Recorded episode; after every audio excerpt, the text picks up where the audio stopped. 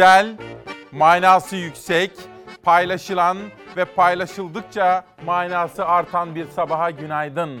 16 Aralık 2020 Çarşamba sabahından İsmail Küçükkaya ile Hakikat Yolculuğundan günaydın. Hoş geldiniz efendim. Bugün ekonomi ağırlıklı bir buluşma gerçekleştireceğiz. Halkın ekmeği nedir diye soracağım size. Halkın ekmeği. Bertolt Brecht'in bir şiirinde var. Halkın ekmeği adalettir diyor efendim. Adalet. İşte bugün ana öykümüz bu olacak. Seçtiğimiz haberler, yaptığımız manşetler ve davet ettiğimiz konuklar. Evet evet demokrasi meydanına gelen konuklarımız da dahil olmak üzere halkın ekmeğini konuşacağız. Mesela asgari ücret ne kadar olmalı sorusuna yanıt arayacağız. Bu işlerin içindeki bir konuğumuzla bunu konuşacağız. Bir soru soracağım size. Sizce dün koronadan dolayı Türkiye'mizde kaç kişi hayatını kaybetmiştir söyler misiniz bana? Kaçtır mesela? Bakın Covid ile mücadele ederken hayatını kaybeden yurttaşlarımızın sayısı bir günde. Bilemediniz. Daha fazla. 235. İşte bütün bunları konuşacağız. Türkiye'den ve dünyadan korona, alınan tedbirler, yaklaşan yılbaşında alınması gereken önlemler ve aşılama konusundaki en son gelişmeler. Kanada toplu aşılamaya başladı. Avrupa Birliği koordinasyon yapıyor. İtalya, Almanya, Fransa. Amerika'da neler yaşanıyor? Her birini sizlere anlatacağım. Şimdi hiç vakit yitirmeden Hilal'den rica ediyorum gazeteler geldi. Okumaya başlayalım. Salgında günlük vefat rekoru 235 kişi öldü. Sağlık Bakanlığı 235 kişinin daha korona nedeniyle hayatını kaybettiğini, 32.102 yeni vaka tespit edildiğini açıkladı. Dün açıklanan vefat sayısı salgının başından beri en yüksek günlük ölü sayısı oldu diyor. Alınan tedbirlerin, daha da alınması gereken tedbirlerin ne kadar önemli olduğunu anlamak için o sayıyı bugün sizlere sık sık hatırlatacağım. Türkiye maalesef dün koronadan dolayı yaşamını yitiren yurttaşlarımızın sayısı 235 oldu. 31 Aralık Perşembe saat 21'den 4 Ocak saat 5'e kadar kesintisiz uygulanacaktır. Kutlamalar zaten yasaktı. Hafta içi akşam saat 21'den sonra sokağa çıkmak ve hafta sonu da. Yeni yıla girerken cuma günü de dahil edildi kısıtlamalara. Hafta sonu tatiliyle başlayan 2021'de 56 saatlik yasak 80 saate yükseltilmiş oldu böylece insan hareketliliğinin ve kalabalığın e, bir ölçüde yüzde otuz bile olsa engellenmesi. Ama hatırlayın ben hep şunu söylüyorum. Bu karşılaşmaların yüzde yetmiş beş engellenmesi lazım ki grafikteki yükselme azalsın. Azalsın ki e, hastaneler biraz nefes alabilsin. Yani uzmanlara göre tedbirler yetersiz. Yılın ilk iş günü 4 Ocak pazartesi yine araçlar yolda, işçiler toplu taşımada, çalışanlar mesai başında olacak. Anne ve babalar mesaiye devam edeceği için de kreş ve anaokulları yüz yüze eğitime tekrar başlayacak. 11 aydır tekrarladığımız üzere insanların sosyal mesafe aşımının olacağı, uzun saatler geçireceği yerler etkin bir şekilde kapatılmalı ve hastalığın maksimum kuluçka süresi 14 gün buna uygun bir biçimde ve insanlar mağdur edilmeden kapatılmalı. Salgında artış hızı düşüşe geçti dense de vaka ve vefat sayıları son iki günün tablolarında yükselişte. 26 bine kadar düşen günlük vaka sayısı bir gün önce 29 bin seviyesine çıkmıştı. Son 24 saatte ise 32 bin 102 yeni vaka tespit edildi. 15 Aralık verileriyle Türkiye dünyada Amerika'dan sonra en fazla günlük vaka tespit edilen ikinci ülke oldu. Günlük vefat edenlerin sıralamasında ise Türkiye 6. sırada yer aldı. Vefat edenlerin sayısı 218'e kadar gerilemişti 3 gün önce. Bir gün önce koronavirüs nedeniyle vefat edenlerin sayısı 229'a yükseldi. Son 24 saatte ise 235'e. Hasta sayısı 5064'ten 5105'e, ağır hasta sayısı ise 5980'den 5988'e yükseldi. Sürekli değişen ve yenilenen tablo için uzman isimlerinde artık bir sözü kalmadı. Ama bu tabloyu artık yorumlamak istemiyorum diye yorumlayacağım. Çok yorucu artık. Bizim için çok yorucu artık. Oraya baktığım zaman benim gördüğüm şeyler e, beni fiziksel ve psikolojik olarak güçten düşürüyor öyle söyleyeyim. Türkiye'de günlük vaka sayısı 29 binlerdeyken ve uzmanlar daha fazla kısıtlama önerirken Avrupa'da durum çok daha farklı. Almanya'da günlük vaka sayısı 18 binlerde. Vaka sayısı daha az olmasına rağmen 10 Ocağı kadar kapanma kararı aldı Almanya. Çarşamba gününden itibaren okullar, kreşler ve iş yerleri kapanacak. Almanya'nın ardından 19 Ocak tarihine kadar bir kapanma kararı da Hollanda'dan geldi.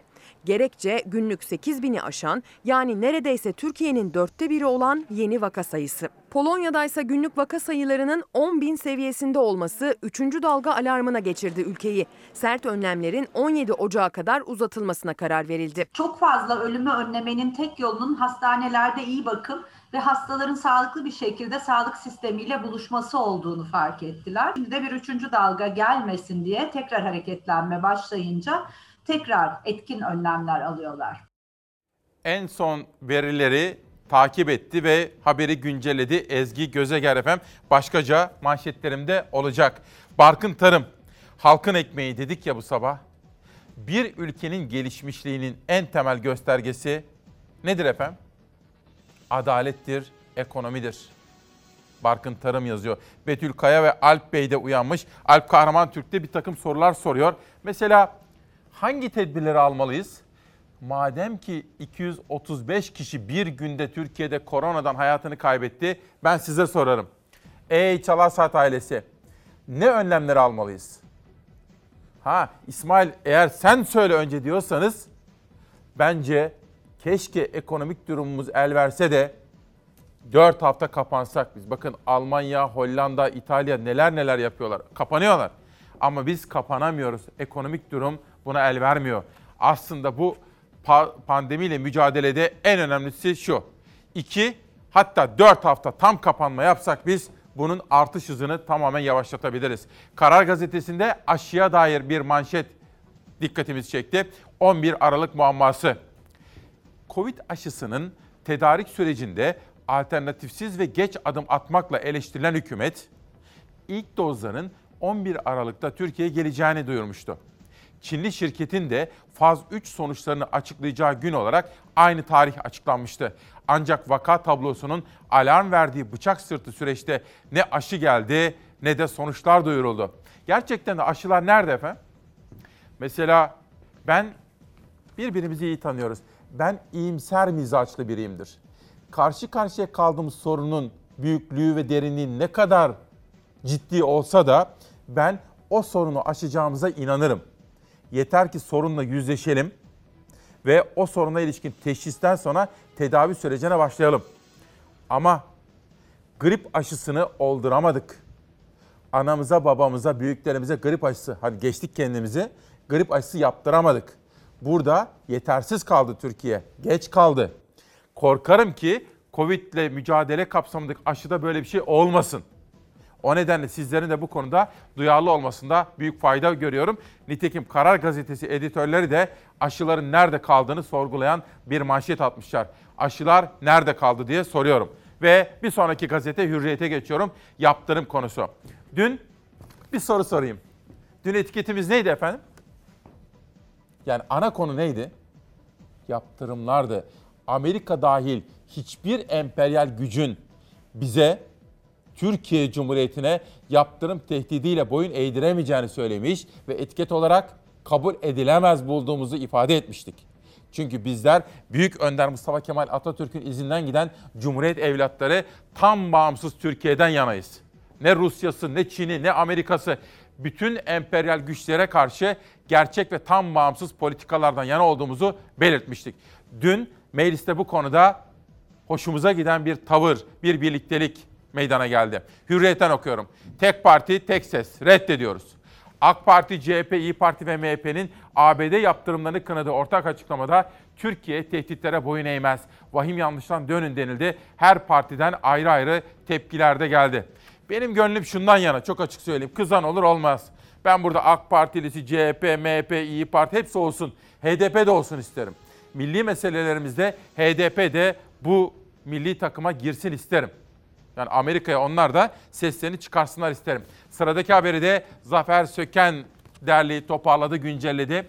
Bütün emperyal güçlere diyoruz ki hayır, hiçbir yaptırım tehdidinizi kabul etmedik, etmiyoruz. Türkiye'ye karşı tek taraflı yaptırımlar içeren kararını kınıyor ve reddediyoruz. Bu yaptırım kararı ülkelerimiz arasındaki ittifakın tüm değerlerini sarsmıştır. Müttefiklikle mevcut askeri politik gerçeklerle bağdaşmayan kararı kınıyoruz. Amerika Birleşik Devletleri S-400 yaptırımlarını hayata geçirdi. Ankara tepki gösterdi. Kararı reddeden Dışişleri Bakanlığı mukabelede bulunacağız dedi. Cumhurbaşkanlığı Yüksek İstişare Kurulu'nda da yaptırıma karşı atılacak adımlar değerlendirildi. NATO müttefikimiz Amerika'dan da yaptırım değil, terör örgütlerine ve bölgemizle ilgili hesabı olan güçlere karşı verdiğimiz mücadelede destek bekliyoruz. Cumhurbaşkanı Erdoğan Bakanlar Kurulu toplantısının ardından yaptığı açıklamayı yaptırım değil terörle mücadeleye destek istedi. Bu açıklamadan kısa süre sonra Washington skandal kararı duyurdu. Türkiye'ye Rusya'dan alınan S-400'ler nedeniyle katsa yaptırımları uygulanacağını açıkladı. Cumhuriyet Halk Partisi olarak diyoruz ki hükümete, onları elinizin tersiyle itin. Hadi oradan deyin. Zerre taviz vermeyin. Yeter ki kandırılmayın da bu arada. Minnet etmeyin. Türkiye'ye hakaret ettirmeyin. Sayın Engin Altay'a verdikleri destek için çok teşekkür ediyoruz. Sizin dediğiniz gibi elimizin tersiyle de ittik. Yaptırım kararıyla Amerika Birleşik Devletleri hasımlarıyla mücadele için çıkardığı yasayı ilk kez bir NATO müttefikine Türkiye'ye uygulamış olacak. Karara Beştepe'den çifte tepki geldi. Türkiye savunma sanayi alanındaki hedeflerine ulaşmak için adımlarını kararlı bir şekilde atmaya devam edecek. Milli egemenliğimize olan bağlılığımız sarsılmazdır ve yaptırım tehditlerinin etkisine kapalıdır. Türkiye ve Amerika Birleşik Devletleri arasındaki stratejik ortaklık kısa vadeli siyasi hedefler uğruna kurban edilemeyecek kadar önemlidir. Amerika Birleşik Devletleri'nin bu vahim hatadan gecikmeden döneceğine inanmayı sürdürüyoruz. Ne Trump, ne Biden, ne Amerika, ne Rusya. Tam bağımsız Türkiye diyeceksin kardeşim. Orta Doğu'dan defolun diyeceksin. Haksız yaptırımlar Savunma Sanayi Başkanlığı ve kurumun başkanı İsmail Demir'i hedef aldı. Kararla Savunma Sanayi Başkanlığı'na Amerika'dan ihracat lisansı yasağı, kredi yasağı, Başkan Demir ve 3 Türk yetkiliye de vize yasağı getirildi.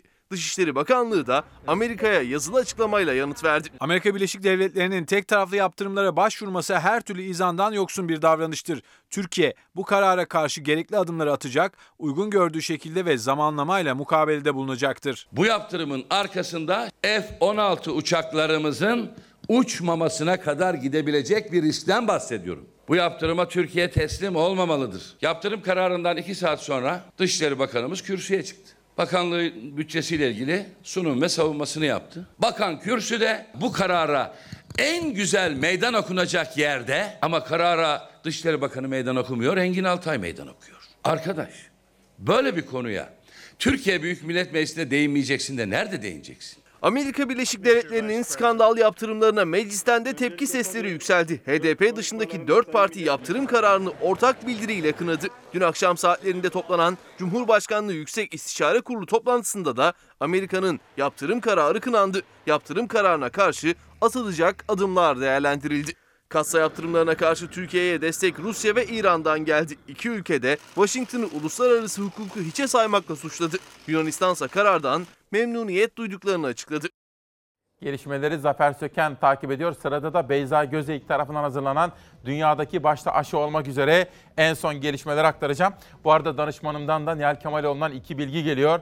Dün yaşamını yitiren doktorlarımıza ilişkin Türk Tabipleri Birliği'nin yaptığı paylaşım ve yine danışmanımdan İstanbul'da bir günde 160 kişinin dün İstanbul'da 160 kişi bulaşıcı hastalık nedeniyle hayatını kaybetti. İBB Mezarlıklar Daire Başkanı Koç'un yaptığı açıklamaya göre ölümler önceki yılların iki katı.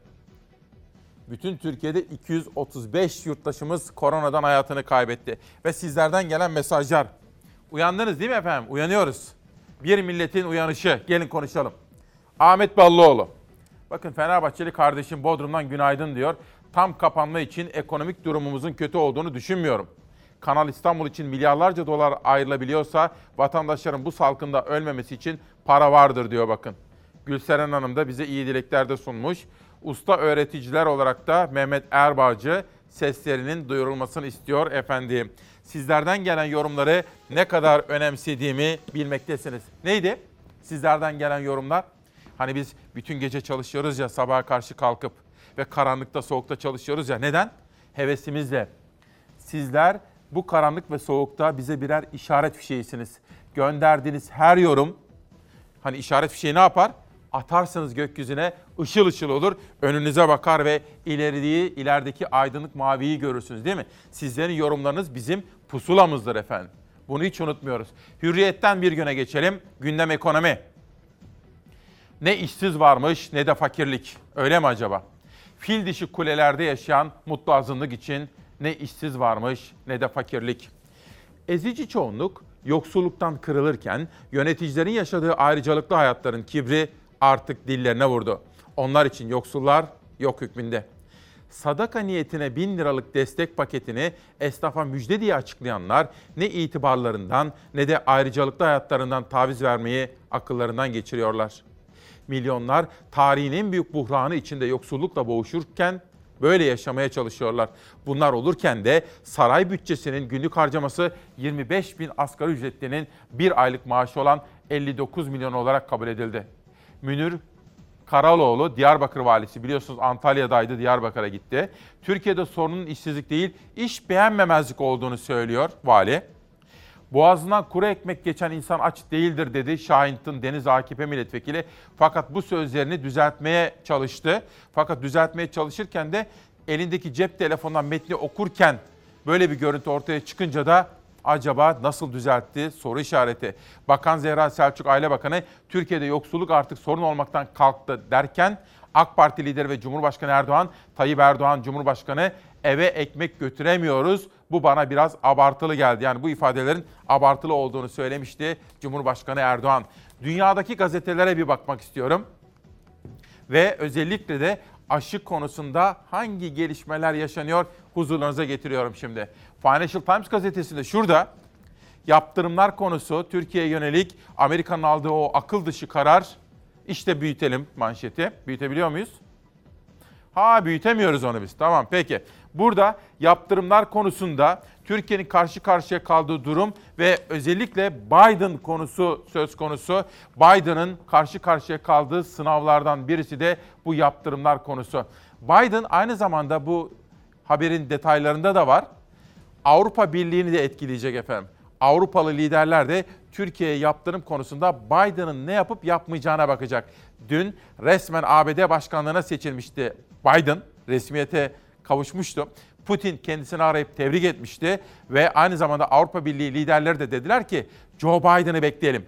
20 Ocak'ta göreve gelsin. Türkiye'ye karşı ne yaparsa biz de onu takip edelim dediler. Bütün bu sözler Financial Times'ta. The Guardian gazetesine geçtiğim zaman Christmas planı biliyorsunuz yeni yıl yaklaşıyor. Hristiyan alemi için de aynı zamanda Christmas planları yapılıyor. Fakat Avrupa'nın da yaşadığı korona ile mücadele kapsamındaki gelişmelerde yeni tedbirler söz konusu ve hatta pek çok ülkede de bu kriz noktalarına gelmeye başladı. Bakanlar da kriz toplantıları düzenliyor ve aslında bu alınan tedbirler konusunda bir balans yani bir denge arayışına gitmişler. İtalya'ya buongiorno diyoruz.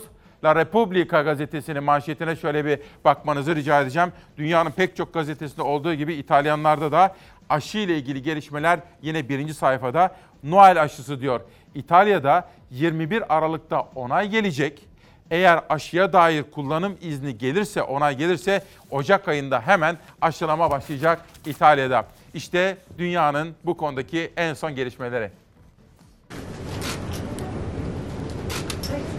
Kanada'da sağlık çalışanlarından sonra ülke genelinde toplu aşılama başladı. Amerikan Gıda ve İlaç Dairesi Pfizer-BioNTech aşısından sonra Amerikan biyoteknoloji şirketi Moderna'nın aşısının da güvenilirliğini teyit etti. Güney Kıbrıs'ta Pfizer-BioNTech aşısından 168 bin doz sipariş verirken Avrupa Birliği aşıyı Noel tatili öncesi onaylamayı planlıyor.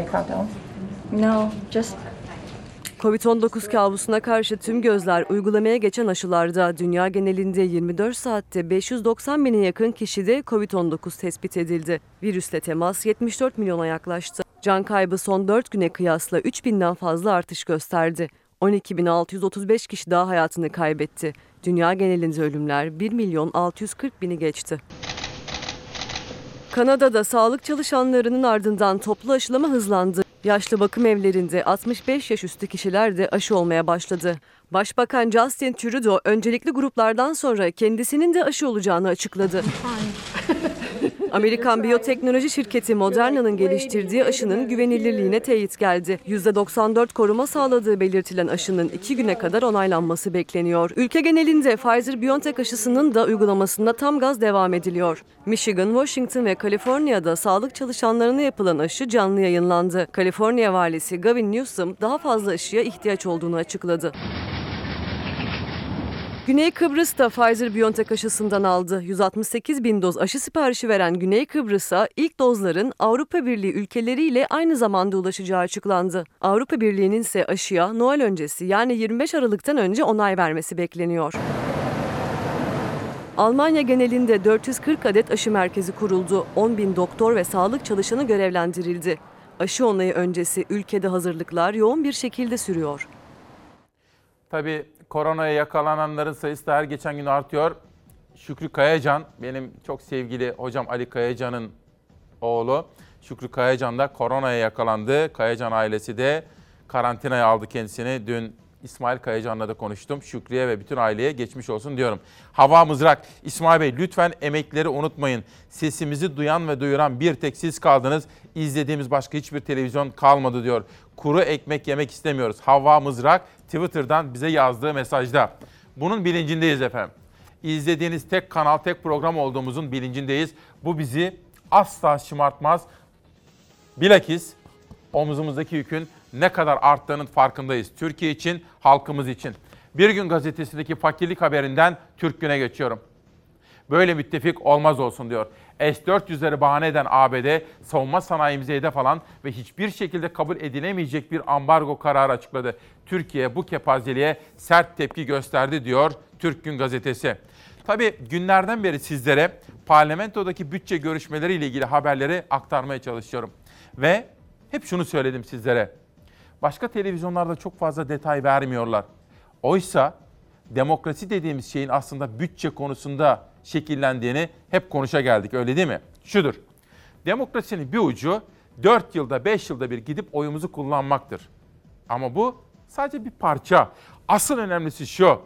Siz vergi veriyorsunuz. Ben vergi veriyorum. Hepimiz vergi veriyoruz. İşte Yunus abim vergi veriyor. İşte İsmail abim vergi veriyor. Bu vergiler bir aile bütçesi gibidir. Türkiye bizim evimiz, Türkiye Cumhuriyeti de yuvamız. Böyle düşünelim. Ve aile fertleriyiz hepimiz. 82 milyon insan. Hepimizin katkılarıyla oluşan bir bütçe var. Ve o bütçeyi kullananların açık olması, şeffaf olması, bizlere bilgi vermesi ve harcamaları yaparken öncelikler sıralamasına göre bu harcamaları yapması gerekmekte.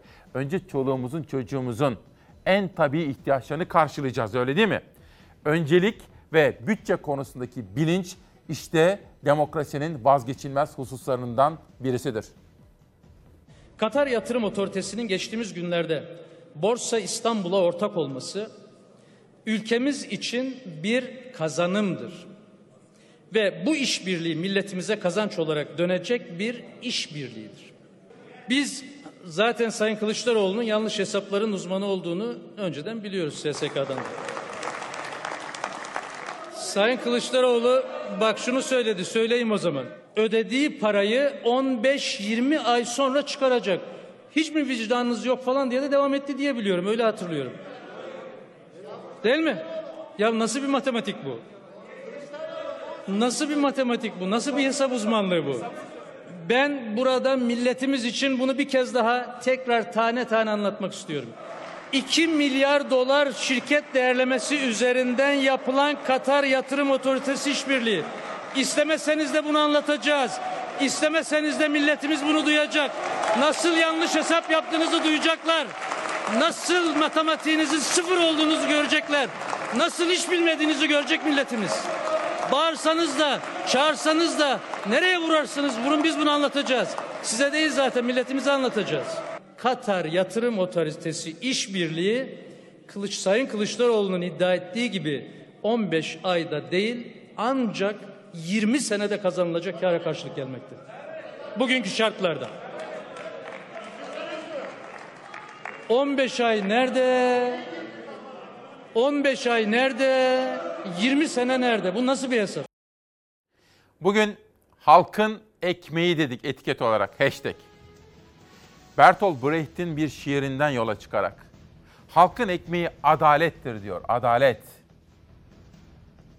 Bunu konuşacağız işte bu sabah. Çok detaylı olarak konuşacağız. Türk Günden Sözcü'ye geçiyorum. Sözcü gazetesinin manşetinde vekile göre midesine sadece kuru ekmek girenler aç değilmiş diyor. Ama önce Sözcü'den bir haber daha okumak istiyorum. Hani ben sizlere söyledim ya bu yuvamızda Türkiye Cumhuriyeti'nde herkes konuşabilmeli.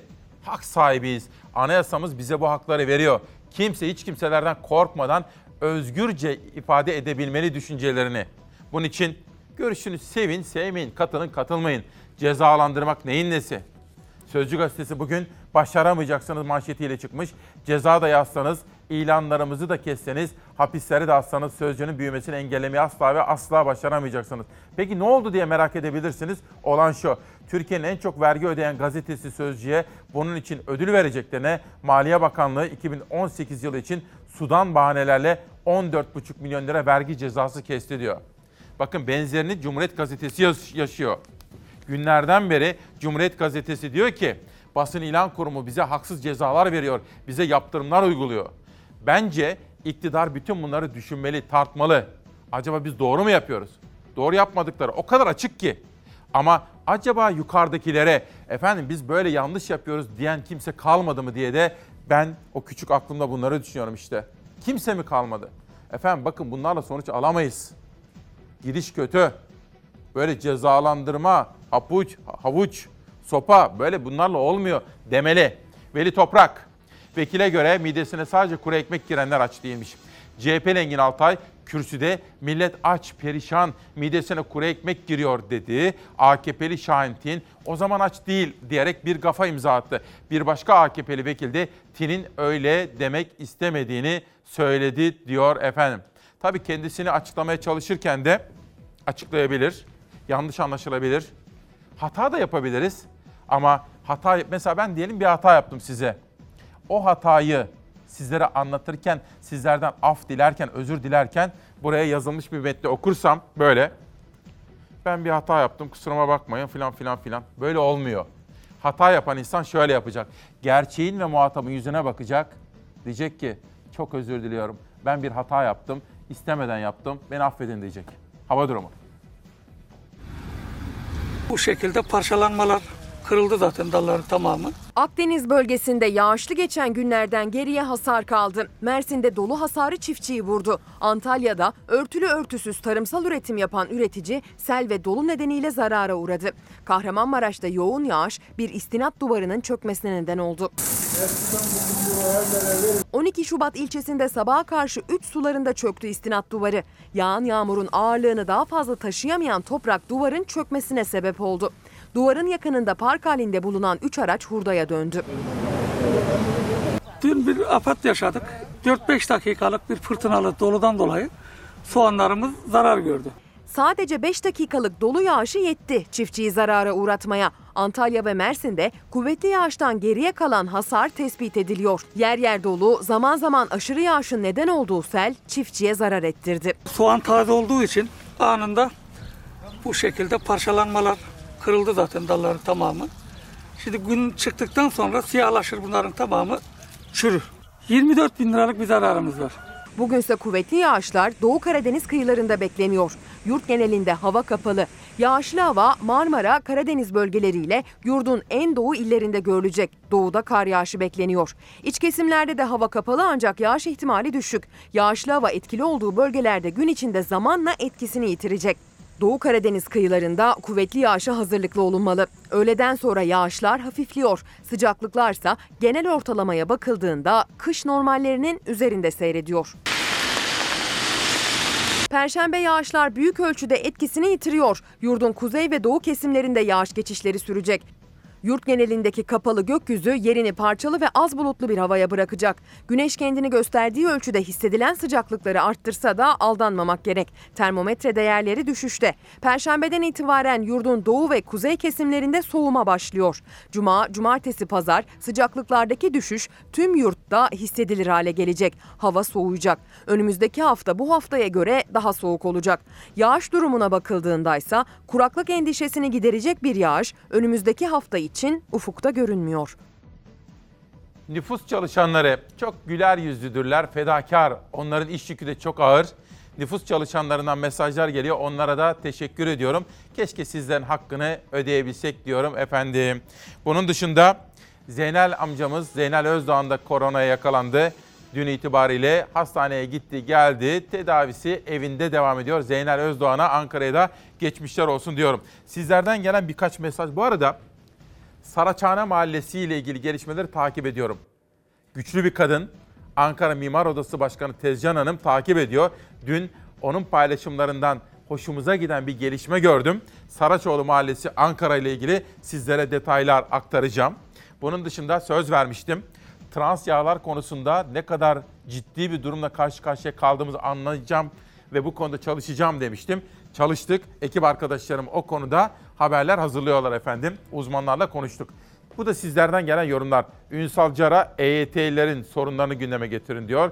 Nagihan Hanım, abi gerçekten herkesin yazısını okuyor musun diye merak edip yazdım diyor. Samsun'dan saygılar. Evet, mümkün olduğu kadar okumaya çalışıyorum.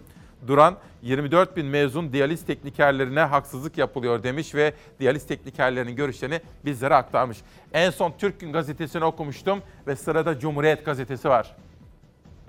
Örtülü patladı. Mustafa Çakır'ın haberi. Sarayın kullandığı ödenek 20 milyondan 280 milyona çıktı. Dengelenme hedefiyle yola çıkan 2020 bütçesi 11 ayda 132.1 milyar lira açık verdi. Cumhurbaşkanlığının kullanımında bulunan ve nereye gittiği açıklanmayan örtülü ödenekten yapılan harcama Kasım ayında 279.8 milyon liraya fırladı. Ekim ayında harcama 20 milyon liraydı diye soruyor efendim. Örtülüden 11 ayda yapılan harcama 1.8 milyar liraya ulaştı. Hazine ve Maliye Bakanlığı'nın verilerine göre Kasım'da bütçe giderleri 96.3 milyar lira, gelirleri 109.7 milyar lira oldu diyor gazete. Bütçe 13.4 milyar lira fazla verdi. Artan vergi gelirleri bütçeyi kısmen toparladı diyor. Bir soru soracağım. Ben sabahları böyle soru sormayı, sizlerle sohbet etmeyi çok seviyorum biliyorsunuz değil mi? Çünkü birbirimize yarenlik yapıyoruz. Bu soğuk ve karanlık zamanlarda birbirimize sırt vererek bu zorlu dönemleri geçmeye çalışıyoruz. Zihin jimnastiği yapıyoruz. Örtülü ödenek ne demek? Şu, 280 milyon lira harcanmış ya. Örtülü ödenek Cumhurbaşkanlığının istediği şekilde bir harcama yapma yetkisidir. Kanunumuzda var efendim. Yani onun devletimizin âli menfaatleri için açıklanamayacak yerlere paralar gönderilebilir. Onun hesabı sorulamaz. Yani ülkeyi yöneten iktidar istediği kişi, mesela bizde Sayın Erdoğan 280 279.8 milyon liraya fırladı diyor örtülü ödenek. Yani herhangi bir şekilde hesabı verilemeden yapılan harcama demek. Devletlerin çıkarları için böylesine örtülü ödenek harcamaları vardır yasalarda diyorum. Adana'ya geçelim. Yerel gazetelerde bakalım ne var? Çukurova. Tatlıcı esnafı da kan ağlıyor manşeti atmış. Koronavirüs dolayısıyla zor günler geçirenlerden biri olan tatlıcı esnafı yılbaşı günden başlamak üzere 4 günlük sokağa çıkma yasağıyla birlikte daha da sıkıntıya geleceklerini bildirdi diyor. Sümeyye Güven'in haberi Adana Çukurova'da. Bir reklamlara gitmek istiyorum efendim. Reklamlarda konuğumla konuşacağım. Çünkü bugün halkın ekmeği diyeceğiz ve gelişmeleri takip edeceğim. Tabii bu arada hepiniz artık çok iyi biliyorsunuz. Saat 8.30'u biraz geçerken ben günün ilk sade kahvesi için müsaade isterim sizden. Bunu biliyorsunuz. Benim de sevdiğim, takdir ettiğim, okuduğum bir isimdir. Acar Baltaş. Hayatın hakkını vermek diyor. Sağlıklı, uzun ve mutlu yaşamak konusunda bir kitap yazmış. Ve kitabı da bana da göndermiş. Kendisine çok teşekkür ediyorum. Biz de mesleğimizin ve hayatımızın hakkını verme çabası içindeyiz efendim. Sade kahve. 16 Aralık 2020 Çarşamba sabahından İsmail Küçükkaya ile Mavi Bir Sabah'tan günaydın efendim. Hoş geldiniz. Dışarıda nasıl bir yağmur? Ama bizim rejiden o sesler bence size kadar geliyordur. Şöyle bir kar yağsa kar, lapa lapa bembeyaz kar yağsa. Dışarıyı görelim mi Hilal? Bir bakalım dışarıya. Günaydın Türkiye'm. Halkın ekmeği diyoruz bu sabah. Halkın ekmeği ve biraz sonra asgari ücret konusundaki detayları da konuşacağız. Çok detaylı olarak. Ve şunu söylemek istiyorum. Halkın ekmeği diyoruz ya. Ekmek her gün nasıl gerekliyse nasıl ekmek her gün nasıl gerekliyse nasıl adalet de işte öyle gerekli. Ekmek gibi. Bertolt Brecht'ten alıntı yaptık. Hikayesini sizlere anlatacağım efendim. Şimdi yönetmenimden rica ediyorum. ikinci tur gazeteler geliyor. Biraz sonra Disk Genel Başkanı Arzu Çerkezoğlu bizlerle birlikte olacak. Asgari ücret konusunda, sağlık çalışanları meslek hastalığı sayılıp sayılmaması hususunda, sendikal mücadelede yaşanan sıkıntılar, hayatını kaybeden işçiler ve aileleri, bu işsizliği ne yapacağız diye soracağım. Bu emeklimize gün yüzü nasıl göstereceğiz diye soracağım. Yoksullukla nasıl baş edeceğiz diye soracağım Arzu Çerkezoğlu'na biraz sonra. Dünya ile başlıyorum bugün. Yener Karadeniz imzalı bir haber. Esnaf ses verdi. Delik büyük, yama küçük. Esnaf vadesi gelen ödemelerin ötelenmesi ve yapılandırmada süre uzatımı beklentilerinin karşılık bulmadığını söyledi. O sözler arasında Şekip Avdagiç var İTO Başkanı. Esnafların başkanı var Bendevi Palandöken. Diyor ki mesela delik büyük diyor Bendevi Bey. Delik büyük ama yama küçük. Desteklerin devamı konusunda ümit varız diyor. TURES Başkanı Ramazan Bingöl'ün de sözleri yine gazetenin birinci sayfasında haber olmuş. Bir de tarım haberi gördüm dünyada. Onu da okuyalım. Çiftçi borçları da yapılandırılacak. Canan Sakarya'nın haberi. Bakan Pakdemirli açıkladı. Dün parlamentoda çok eleştiriyle karşı karşıya kaldı çiftçilerin yaşadıkları konusunda. O da kendisini ve uygulamalarını savundu Bakan Pakdemirli de. Bir polemik var. Yıl 2020. Aralık ayının sonundayız. Ocağa doğru gidiyoruz. 2021'e girmek üzereyiz artık. Şunun şurasında iki hafta kaldı. Türkiye şunu konuşuyor. Açlık ve yoksulluk. Millet aç deyince hoplamayın arkadaşlar millet aç. Perişan. Evet herkesin midesine bir şey giriyor. Kuru ekmek giriyor. Kuru ekmek gir- İyi. Ha bu tutanağı alacağım. Bu tutanağı alacağım bak göreceksin. Milletten özür dileyeceksin. Milletin midesine kuru ekmek giriyor sadece diyorum. Beyefendi diyor ki o zaman aç değiller diyor. Ben bunu milletin takdirine bırakıyorum. CHP'li Engin Altay genel kurulda vatandaşın geçim sıkıntısını millet aç kuru ekmek yiyor diyerek dile getirdi. Daha sözü bitmeden AK Parti sıralarından duyanları şok eden bir ses yükseldi. Denizli Milletvekili Şahintin kuru ekmek giriyorsa aç değil dedi. O tepki Altay'ın dile getirdiği gerçeklikten daha acıydı. Millet aç. Perişan. Evet herkesin midesine bir şey giriyor. Kuru ekmek giriyor. Milletin midesine kuru ekmek giriyor sadece diyorum. Beyefendi diyor ki o zaman aç değiller diyor. Ben bunu milletin takdirine bırakıyorum. Tutanaklarda var. AK Parti milletvekilleri dahi duyduklarına inanamadı. AK Parti Denizli Milletvekili Şahin Tin'in o sözlerini öyle demedi diye reddettiler ama kuru ekmek yiyenler için o zaman aç değiller sözü meclis tutanaklarında yerini aldı. Engin Altay kürsüde çileden çıktı. Millet aç dedikçe hopluyorsunuz. Niye hopluyorsunuz? Ben bunu da anlamış değilim. Hepimiz şimdi yemek yiyeceğiz, ara verecek. Arkadaş yemek yerken bir dakika gözümüzü kapatalım ya. 750 bin garsondan, bulaşıkçıdan, aşçıdan, servis şoföründen, lokantanın servis şoföründen bahsediyorum. Bir anlık bu akşam şimdi ara verince yemek yerken aklımıza onları getirelim. Tepkilerin hedefi olan Şahin Tin gece boyu süren tartışma için genel kurul kapanmadan hemen önce söz aldı. Cep telefonundan bir metin okumaya çalışarak sözlerinin çarpıtıldığını savundu. Karşı tarafı suçladı ama kuru ekmek yiyen aç değil cümlelerini açıklayamadı. Sizin derdiniz çarpıtma ve iftiralarla linç yapmak. Zaten en iyi yaptığınız da bu. Vicdan sahibi herkes kötü niyet taşımadığımı bilmektedir. Bizi bilen bilir. Bilmeyen de kendi gibi bilir. Şahin Tin'in kuru ekmek yiyen aç değil midesine ekmek giriyor sözleri hem milyonların kulaklarına hem de genel kurul tutanaklarına böyle kazındı. Şahin Tin'in özür dilemesini talep ediyorum. Eğer Şahin Tin özür dilemezse derhal istifaya davet ediyorum. Bir tepki de Saadet Partisi lideri Temel Karamollaoğlu'ndan geldi. Bu tavra geldi miydi bitti iş. bir daha çözüm bulamaz. Kendisi kuru ekmeğe talim edebiliyor mu? Şimdi olayın özü tamam biraz sonra Arzu Hanım'a da konuşacağım onu. Sahadaki gözlemlerini soracağım. Çünkü Arzu Çerkezoğlu da sahada, fabrikalarda, atölyelerde işçinin hakkını savunmaya, onları örgütlemeye çalışanlardan birisi. Tam da bugünlerde asgari ücret. Ne gözlemliyorsunuz diyeceğim Arzu Hanım diyeceğim. Bize bir anlatın. Ama işin özü bir tarafa, işin biçiminde de bir sorun var efendim. Bakın şimdi diyelim ben bir haksızlığa uğradım. Ya da hata yaptım. Ve sizlerden özür dileyeceğim tamam mı? Böyle yapmalısınız. Sizin gözünüzün içine bakarak, kalbimi de elime alarak, kalbimin diliyle konuşmalıyım. Takdiri size bırakmalıyım değil mi? Halkın sağduyusuna güveniriz her zaman. Halk bilir. Yanlışla doğruyu ayırır bizim halkımız. Halkın feraseti derler. Ama ben bir hata yaptıysam ya da hata yok iftira varsa ben elimdeki metni böyle okursam böyle sevgili seyirciler ben bir hata yaptım bir ya da işte bana bir iftiralar atıldı falan böyle okursam inanır mısınız bana? İnanmazsınız.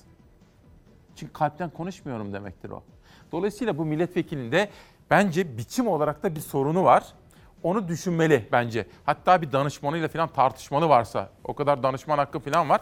Bence halka anlatmak için insanın kendisini olduğu gibi kalbini eline alacak, uzatacak. Aha da benim kalbim diyecek. Takdir sizin diyecek. Bir gün gazetesi. Örtülü ödenek rekor kırdı Nurcan Gökdemir'in haberi. Milyonlar açlıkla boğuşurken örtülü harcama rekor kırdı. Bir önceki aya göre harcamalar 14 kat arttı. Hepiniz artık biliyorsunuz örtülü ödenek yasalarımızda da var. Cumhurbaşkanının inisiyatifinde. Nerelere harcadığının hesabını vermediği bir para var orada. Çünkü devletlerin ihtiyaçları vardır. Açıklamak durumunda değillerdir bazen. Ben o parayı şuraya harcadım falan demezler ama o kişinin insafına kalmıştır efendim. Bu yasal olarak da böyledir. Saray rejiminin diyor Bir Gün Gazetesi, saray rejiminin hesabını vermeden dilediğince kullandığı örtülü ödenek harcamasında yılın rekoru kırıldı. Hazine ve Maliye Bakanlığı Muhasebat Genel Müdürlüğü'nün açıkladığı bütçe verilerine göre Kasım ayında 279 milyon 878 bin lira gizli hizmet harcaması yapıldı. Harcamanın 11 aylık toplamı 1 milyar 858 milyon lira oldu. Merkezi yönetim bütçe giderleri de Ocak-Kasım arası dönemde %18.8'lik artışla 895 milyar 418 milyon liradan 1 trilyon 63 milyar 987 milyona yükseldi. 11 aylık dönemde mal ve hizmet alımı gideri de %11,5 artışla 76 milyar 679 milyon liraya yükseldi. Cari transferler %23 artarak 445 milyar lira oldu diyor efendim. Durmuş Yılmaz Merkez Bankası'nın eski başkanlarından biriydi. Dün Demokrasi Meydanı'na katıldı. İsmail Küçükkaya ile Demokrasi Meydanı'nda Durmuş Yılmaz şunu söyledi. Merkez Bankası'nın Ali Babacan'ın yaktılar dediği, doları bir yerde tutmak için 100 milyar dolardan fazla parayı yaktı ekonomi yönetimi dediği konuda Durmuş Yılmaz'ın bir çift sözü ve sormak istediği soruları vardı. Bunlar önceden düşünülseydi Merkez Bankası'nın 2019 yılındaki karı artı Merkez Bankası'nın uzun yıllar biriktirdiği ihtiyat akçesi bizim şu anda bir, diyelim ki kaç ne kadar çalışanımız var? 28 milyon kişi istihdamda. De ki 30 milyon. Bunun yarısı işsiz kalsa berber, efendim kuaför, garson Lokanta. vesaire vesaire ve bunlar biz iki ay ekonomiyi kapatsak ve her birisine 2000 TL versek bu eder 60 milyar TL. Bu 60 milyar TL'yi dediğim gibi Merkez Bankası'nın 2019 karı ve ihtiyat akçesi karşılayabilirdi. Hadi o da gitti. Onları harcadık, bitirdik. Hala Merkez Bankası'ndan ben şunu iddia ediyorum ve bunu da önerdim. Benden sonra önce daha başkaları da önerdi bunu. Mesela Merkez Bankası'na bir korona tahvili, özel tertip tahvili ihraç edilebilir. Bunun karşılığında nakit alınabilir ve bu açık, net, şeffaf şekilde nasıl girdik ve çıkış nasıl olacak? Kim hangi aşamada ne kadar yaranacak yapıp işleri bu noktaya getirmeden herkesi sıkıntıya sokmadan biz bu işleri yapabilirdik. Ama maalesef Peki. bu yol tercih edilmedi. Ama hala vakit geçmiş değil. Evet. Dolayısıyla bizim emeklimizin, köylümüzün ve de esnafımızın harcaması doğrudan doğruya ekonomiye girecek. Onlara yapılan her türlü hibe şeklindeki yardım devlete biraz daha yüksek vergi olarak geri dönecektir ve kendi kendini finanse edecektir. Bu mutlaka yapılmalıdır. Ama biz şu anda kimin, nerede, ne kadar, ne yapacağını da bilmiyoruz. Kimler yanacak? Aslında buralarda şeffaflık lazım. Eğer şeffaflık yoksa bu ateşle oynakın bir şey. Bütün dengeleri bozabilirsiniz. Bunun için de şey lazım, kredibilite lazım, temiz sicil lazım. O temiz sicil yoksa, vatandaş size hala güvenmiyorsa, bütün bu doğru kararlar yine de doğru sonuç vermeyebilir. Niye?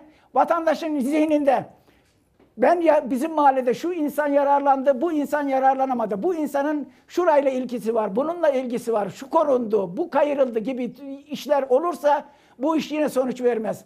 Onun için laf, söz dönüp dolaşıp geliyor. Hesap verebilirlik, açıklık, netlik ve toplumla sürekli bilgi paylaşımı. Çok güveniyorum. İlk günden itibaren Durmuş Yılmaz'ın sözlerine çok güveniyorum efendim. Ve sizlere erken saatlerde Ankara'dan Zeynel amcamızın, Zeynel Özdağ'ın, benim Simavlı hemşerim, öğretmenimin oğlu Şükrü Kayacan'ın da Covid'e yakalandığını söylemiştim. Şimdi öğreniyorum ki Mersin'den Davut Kil ve bütün ailesi de evladı Can haber verdi. Abi dedi herkes Covid oldu dedi. Onlara da Kil ailesine de geçmişler olsun diyorum efendim. Yine benim sevdiğim, saydığım, Türkiye'deki batılı manada gazetecilerden bildiğim, öyle olduğuna kefil olduğum bir isim Murat Yetkin. bu kitabın yazılacağını biliyordum, yazılmakta olduğunu biliyordum Murat Yetkin'le konuşmalarımızdan. Elime bu sabah geçti. Meraklısı için Darbeler kitabı. Bu kitabı okuyacağım. Okuduktan sonra sizlere özet yapacağım. Hatta Murat Yetkin'i de Demokrasi Meydanı'na davet edeceğim. Kitabı yeni çıktı. Çok merak ettiğim kitaplardan biri, okuyacağım kitaplardan biri. Bir günden Yeni Şafak'a geçelim. Bu kez Albayrak grubunun gazetesi. Bu kez neyin peşindesiniz? Yeni 15 Temmuz mu bekliyorsunuz? İktidara gelmek için darbe, dış müdahale ya da sokağa bel bağlayan muhalefet yine benzer imada bulundu. İyi Parti Genel Başkanı Yardımcısı Ahmet Kamil Erozan'ın mecliste Dışişleri Bakanı Çavuşoğlu'na bütçeyi tasarruflu kullanın. Çünkü yılın ikinci yarısında biz devralacağız dedi. Bu sözler bu kez neyin peşindeler sorusuna yol açtı diyor. Tabii şimdi iktidara da bir bakmak istiyorum ama şunu da söyleyeyim. Bu önemli bir manşet, iyi ve haklı yerinde bir soru. Fakat bu soruyu şöyle ta- tamamlamamız gerekiyor gazetecilik açısından. Çavuşoğlu da bir hata yapıyor. Siz diyor zaten seçimde iş başına gelemeyeceksiniz ki. Halk size oy vermez diyor. Burada bir söz yok. Olur olma. Halkımız karar verecek ona. Fakat sonra Çavuşoğlu'nun üstelik bir diplomat aslında. Yani Dışişleri Bakanı. Yapmadığı yani yapmaması gereken bir cümle kullanıyor orada. Kullanmaması gereken bir cümle kullanıyor seçimi kazansanız da iktidarı size vermezler gibi bir cümle. Ben ne demek istediğini anlıyorum aslında ama ifade edememiş bence. Onu da sorgulamak gerekiyor o zaman. Yani seçim nedir? Halk kim istiyorsa onu getirecek. Günün birinde şunu biliyorsunuz değil mi? Bunu biliyorsunuz.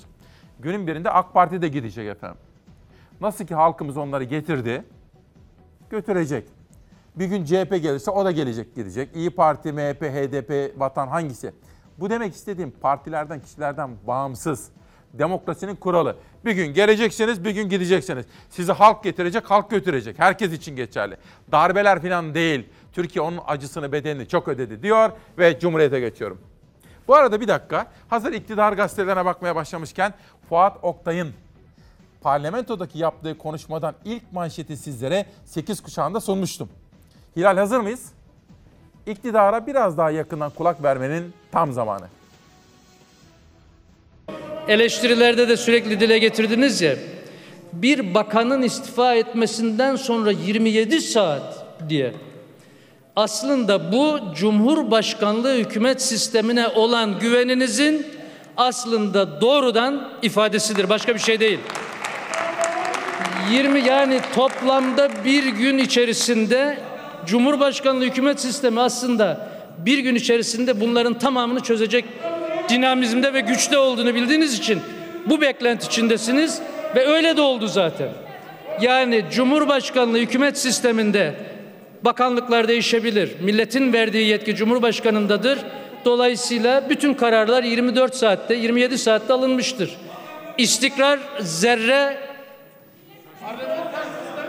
hiçbir şekilde zerre şey görmemiştir. Tüm kararlılığıyla devam etmiştir. Yani önceden parlamenter sisteme şöyle bir bakın. Aylar süren belirsizliklerden, kurulamayan hükümetlerden, karar verilemeyen bakanlıklar arasındaki sıkıntılardan şimdi toplam bir gün içerisinde her şeyin çözülmesini bekliyorsunuz. Haklısınız da zaten.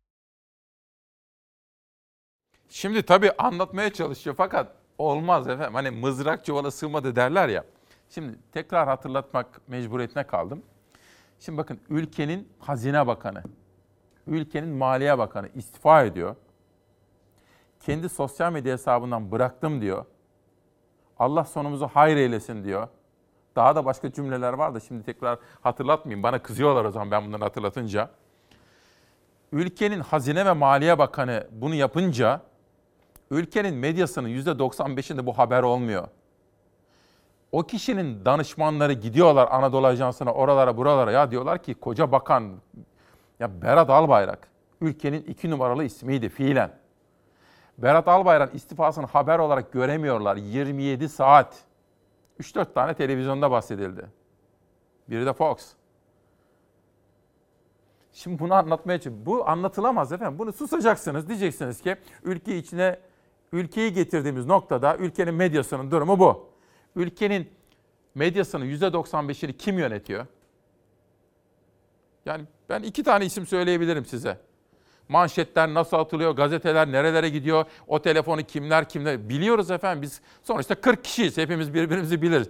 Yani demem o ki Fuat Oktay'ın açıklamalarını bugün manşet yapıyorum ama hata yapıyor. Yani o Berat Albayrak'ın istifası sonrasındaki medyanın 27 saatlik suskunluğu, karartması anlatılabilir bir şey değil, açıklanabilir bir şey değil efendim. Dolayısıyla onu susacağız. Bir manşet daha Cumhuriyet'te sıra halk ekmeğe muhtaç. İstanbul'da ucuz ekmek AKP engeline takıldı.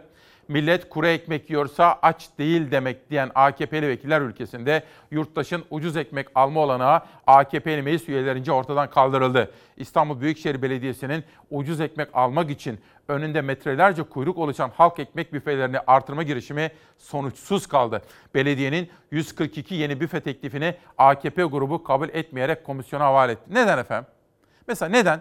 Halk ekmek büfelerinin sayısını artırma ve halkımızın ucuz ekmek yeme ihtiyacını karşılama çabası neden engellenir? Biz bugün halkın ekmeği derken oradan yola çıktık. Hikayesini biraz daha detaylı olarak sizlere anlatacağım. Ama bir dakika. Bir de şöyle güzel bir haber vereyim mi size? Göğsünüzü kabartacak. Yayınlarımızda adı en çok geçenlerden biri. 8 yıldır. Canan Güllü. Çok önemli bir ödüle layık görüldü. Bir adaylık durumu söz konusu.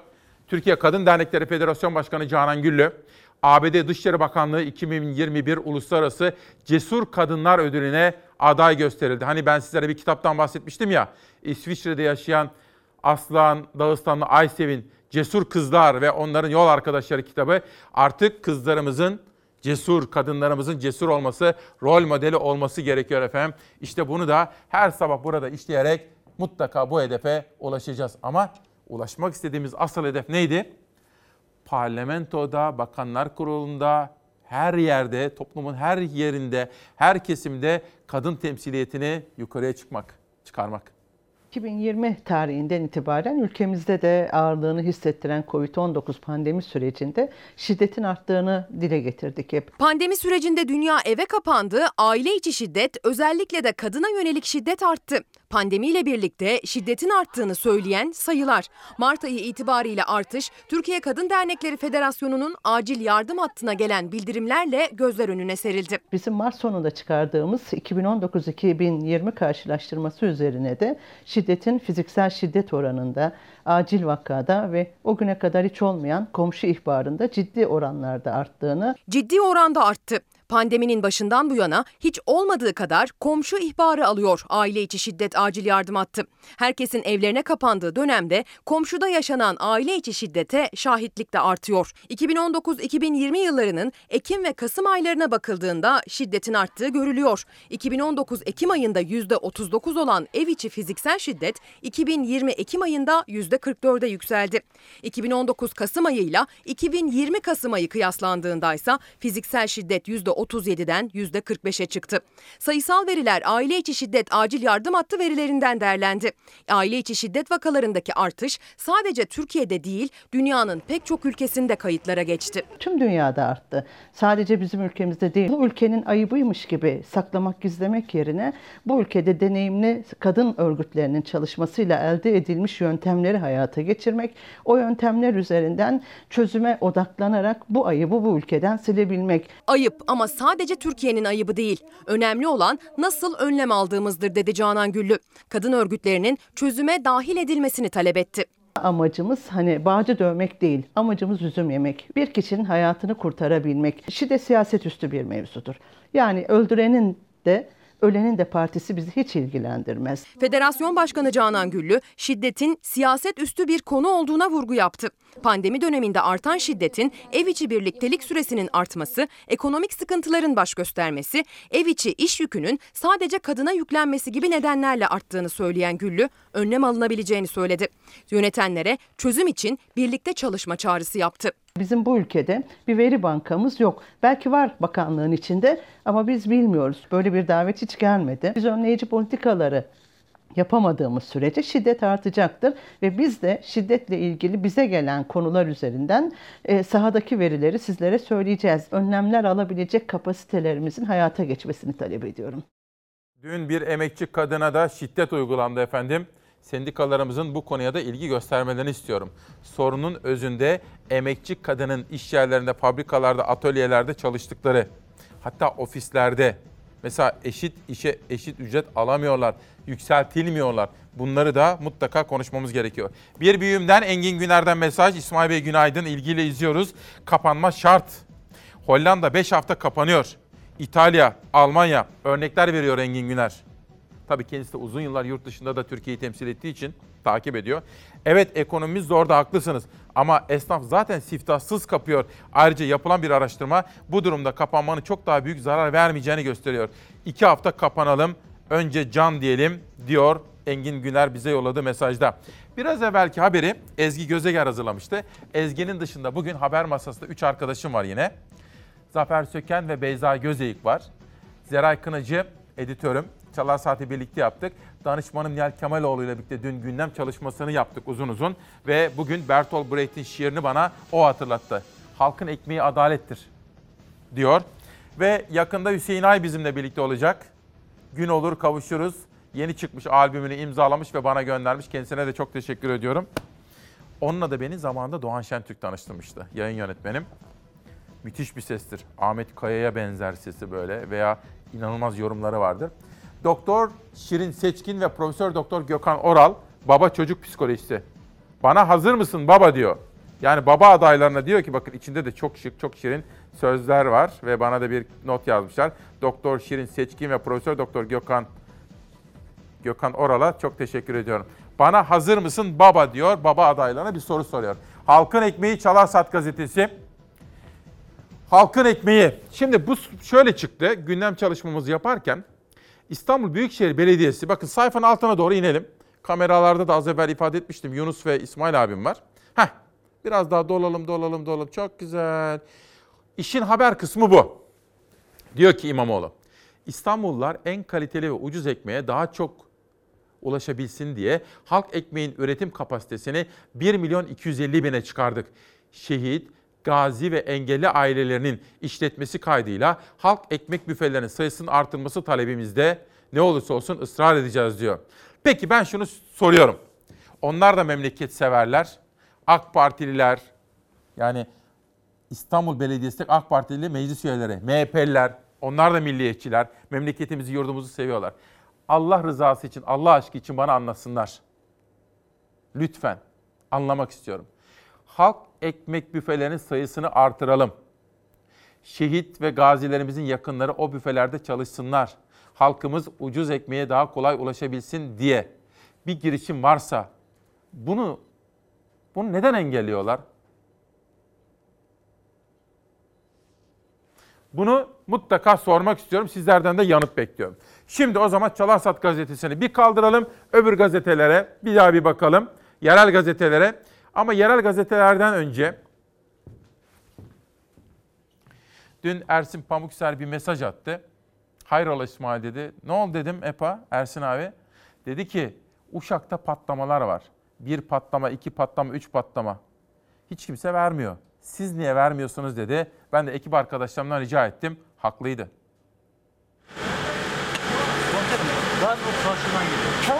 Farklı mahallelerde, farklı binalarda arka arkaya yaşandı doğalgaz patlamaları. Endişe veren olaylarda 8 kişi yaralandı. Uşak'ta yaşanan doğalgaz patlamalarına İzmir, Denizli, Afyon, Isparta'dan destek ekipleri gönderildi. Uşak genelinde kesilen doğalgaz bölge bölge verilmeye başlandı. Önce Atatürk Mahallesi'nde iki binada, bir gün sonra Kemalöz Mahallesi'nde bir binada doğalgaz patlaması meydana geldi. CHP Uşak Milletvekili Özkan Yalım, belediye ekiplerince yapılan kazı çalışmalarında doğalgaz ana giriş borusunun patladığını, sızıntı yaşandığını söyledi. Uşak Belediye Başkanı Mehmet Çakın soruşturmanın devam ettiğini açıkladı. Teknik çalışmalar tamamlanmadan, raporlar e, bitmeden e, kazanın e, kesin olarak patlamaların şundan dolayı olduğunu e, söylemek mümkün değil. İlk patlamaların yaşandığı iki binada ikisi ağır 6 kişi yaralandı. Atatürk Mahallesi'nde ilk patlamanın gerçekleştiği binada çok büyük hasar oluştu. Binadan düşen beton parçaları patlamanın şiddetini gözler önüne serdi. Ondan 500 metre ileride başka bir binanın üst katında meydana geldi doğalgaz patlaması. Her iki patlamaya dair soruşturma sürüyorken bir gün sonra Kemalöz Mahallesi'nden bir doğalgaz patlaması daha meydana geldi. Bir binanın üçüncü katında yaşanan patlamada iki kişi yaralandı. Arka arkaya yaşanan doğalgaz patlamaları Uşak'ta 8 kişinin yaralanmasına sebep oldu. Çevre illerden Uşak'a acil müdahale ekipleri sevk edildi. Enerji ve Tabi Kaynaklar Bakan Yardımcısı Alparslan Bayraktar Uşak'a gelerek incelemelere katıldı. Patlamalarla ilgili açıklamada bulundu. Bayraktar incelemeler sırasında evlerden birinde ocağın açık unutulduğunu ifade etti. Olayın nedenine ilişkin yapılan ilk incelemelerde bu söz konusu dairelerin birinde ocak düğmelerin açık unutulduğu maalesef görülmüştür. Bu nedenle binaya gaz verildikten sonra ocaktan ortama gaz sızıntısı olduğu tahmin edilmektedir. Ekiplerin ve tüketicilerin ihmali olup olmadığı noktasıyla alakalı çalışmalarımıza devam ediyoruz. Bu konu enteresan. Bu konuyu takip ediyoruz. Dikkatinizi çekmiş olabilir. Biraz evvel tam ben ekmekle ilgili konuştum, konuştum, yorum yaptım. Bir böyle bir sustum ya. Normalde onun haberi vardı. Ben haber hazır zannettim ama haber daha hazır değildi. Yönetmenim de doğal olarak bana daha haber hazır dememişti. Aklınıza bir şey gelmesin efendim. O haber, ekmek haberi hazırlandığı zaman onu da mutlaka size sunacağım. Ayrıca söz vermiştim. Trans yağlar konusunda çalıştım. Sadece ben değil, ekip arkadaşlarımın da burada yaptıkları var. Biraz sonra trans yağlar konusunda da bir haberimiz olacak. Sıra geldi gazetelere. Diyarbakır, mücadele. Tıbbi laboratuvar mezunları 5000 atama bekliyor diyor Milli Mücadele Gazetesi'nin manşetinde. Ve İzmir'e geçelim 9 Eylül. Her taraf maden. 2010-2018 arasında 106.476 madene ruhsat verildi. Maden sahalarının genişliği ne kadar da arttı diyor efendim. Bu da 9 Eylül'ün manşeti. Yaşam diyeceğim Balıkesir Bandırma. Yeni bir gazete Balıkesir'den. Gemici dükkanların açılması bizim en büyük beklentimiz diyor. Efendim bakın Balıkesir Bandırma gazetesinin birinci sayfa haberinde. Ondan sonra Eskişehir'e bir geçelim. Destek kapsamı genişletilmeli. Cumhurbaşkanı Erdoğan tarafından açıklanan pakete ilişkin haberler Esra Ünlü imzası taşıyor. Eskişehir esnafı ile yapılan röportajlarda yine birinci sayfada yer alıyor. Adana'ya geçiyorum. Adana'da bir Adanalı ama Adanalı derken hani Adanalıyık ama aynı zamanda Adana için çalışıyoruz. Ali Aydar Bozkurt böyle birisi. Ali Aydar Bozkurt tarım ve turizm vurgusu yaparak Adana'nın daha da büyümesi gerektiğinin altını çizmiş yaptığı açıklamada. Bu arada şunu da söyleyeyim bakın Ali Sözlü hayatını kaybetti diyor.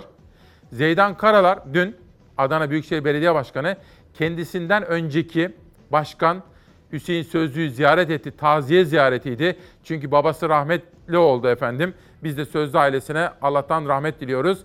Centilmence bir taziye ziyareti birinci sayfada Adana 5 Ocak'ta. Antalya çiftçi destek bekliyor haberi Antalya Gündem Gazetesi'nin birinci sayfasında. Bu arada Muhittin Böceğin yaptığı açıklama var. Tabii Muhittin Böceğin yaptığı açıklama içerisinde sürmanşette CHP'nin Antalya Teşkilatı'nda yer alan bazı isimlerin Muhittin Böcek daha hasta yatağındayken bir takım hırslara büründükleri ve Muhittin Böceği de ne kadar kırdıklarına dair de açıklamalar vardı efendim. O da dün çok konuşuldu, çok paylaşıldı. Çiftçiye destek, çiftçiye destek şart. Vicdan Sayın Bakan vicdan. Bu ülkenin çiftçisini bitiriyorsunuz. Üreticisini soyduruyorsunuz. Limonla ilgili dünyada ihracatta üçüncüyüz.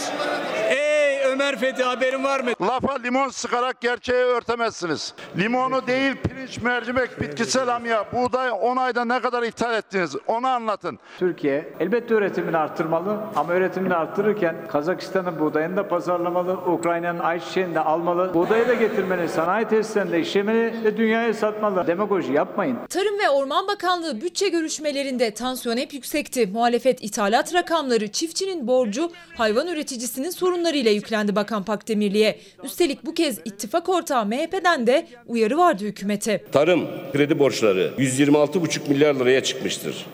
Bu kredilerin %4 oranında 5 milyarlık kısmı takiptedir. Borç yapılandırmasına bakanlık olarak karşı değil. Tarım kredi özelinde de 806 bin ortakta %1,4 icra takibi var. Üreticilere borçlarını ödeyebilecekleri bir yapılandırma imkanı verilmelidir. Çiftçi nasıl üretecek? Hiç çiftçinin durumundan haberiniz yok mu? Size sevdiğiniz tarzda bir karşılaştırma yapacağım. 1940'larda 1070 tane traktör var. 2019'da 1 milyon 355 bin traktör var. Traktörleri ve inekleri haczediliyor. Muhalefet çiftçinin tarım kredi ve bankalara olan borcundan dolayı traktörün haciz edildiğini hatırlattı. Bakan Pakdemirli 60 yıl öncesiyle bugünün traktör rakamlarını kıyaslayarak cevap verdi.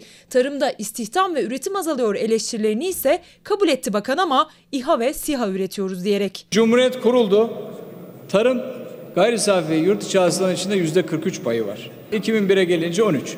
Yani böyle bir trend var. Bu trendi de normalde karşılamak lazım. Bu ülke İHA da üretecek, SİHA da üretecek, tank da üretecek ve bunların kilogram hesabı elbette ki tarımsal ürünlerden daha fazla olacak. Unutmayın beyler, çiftçiyi yok sayanı çiftçi de yok sayar ve ilk seçimde de sandığa gömer. Cumhuriyet tarihi boyunca Türkiye ithalat yapmış arkadaşlar. Demagoji yapmayın. Çiğ süt üreticilerine bugün 50 kuruş zam yapmışsınız. Sütçüler diyor ki sizi ahıra davet ediyorlar Sayın Bakan. Bir baksın ondan sonra 50 kuruş zam nasıl veriliyormuş. Tarımla ilgili her şey iyi gidiyor. Kimsenin de çiftçimizin moralini bozmasına tahammülümüz yok kusura bakmayın. Tarım Bakanı muhalefeti çiftçinin moralini bozmakla suçlarken muhalefet de bakanın istifasını istedi. Yapacağınız en büyük reform derhal istifa etmeniz.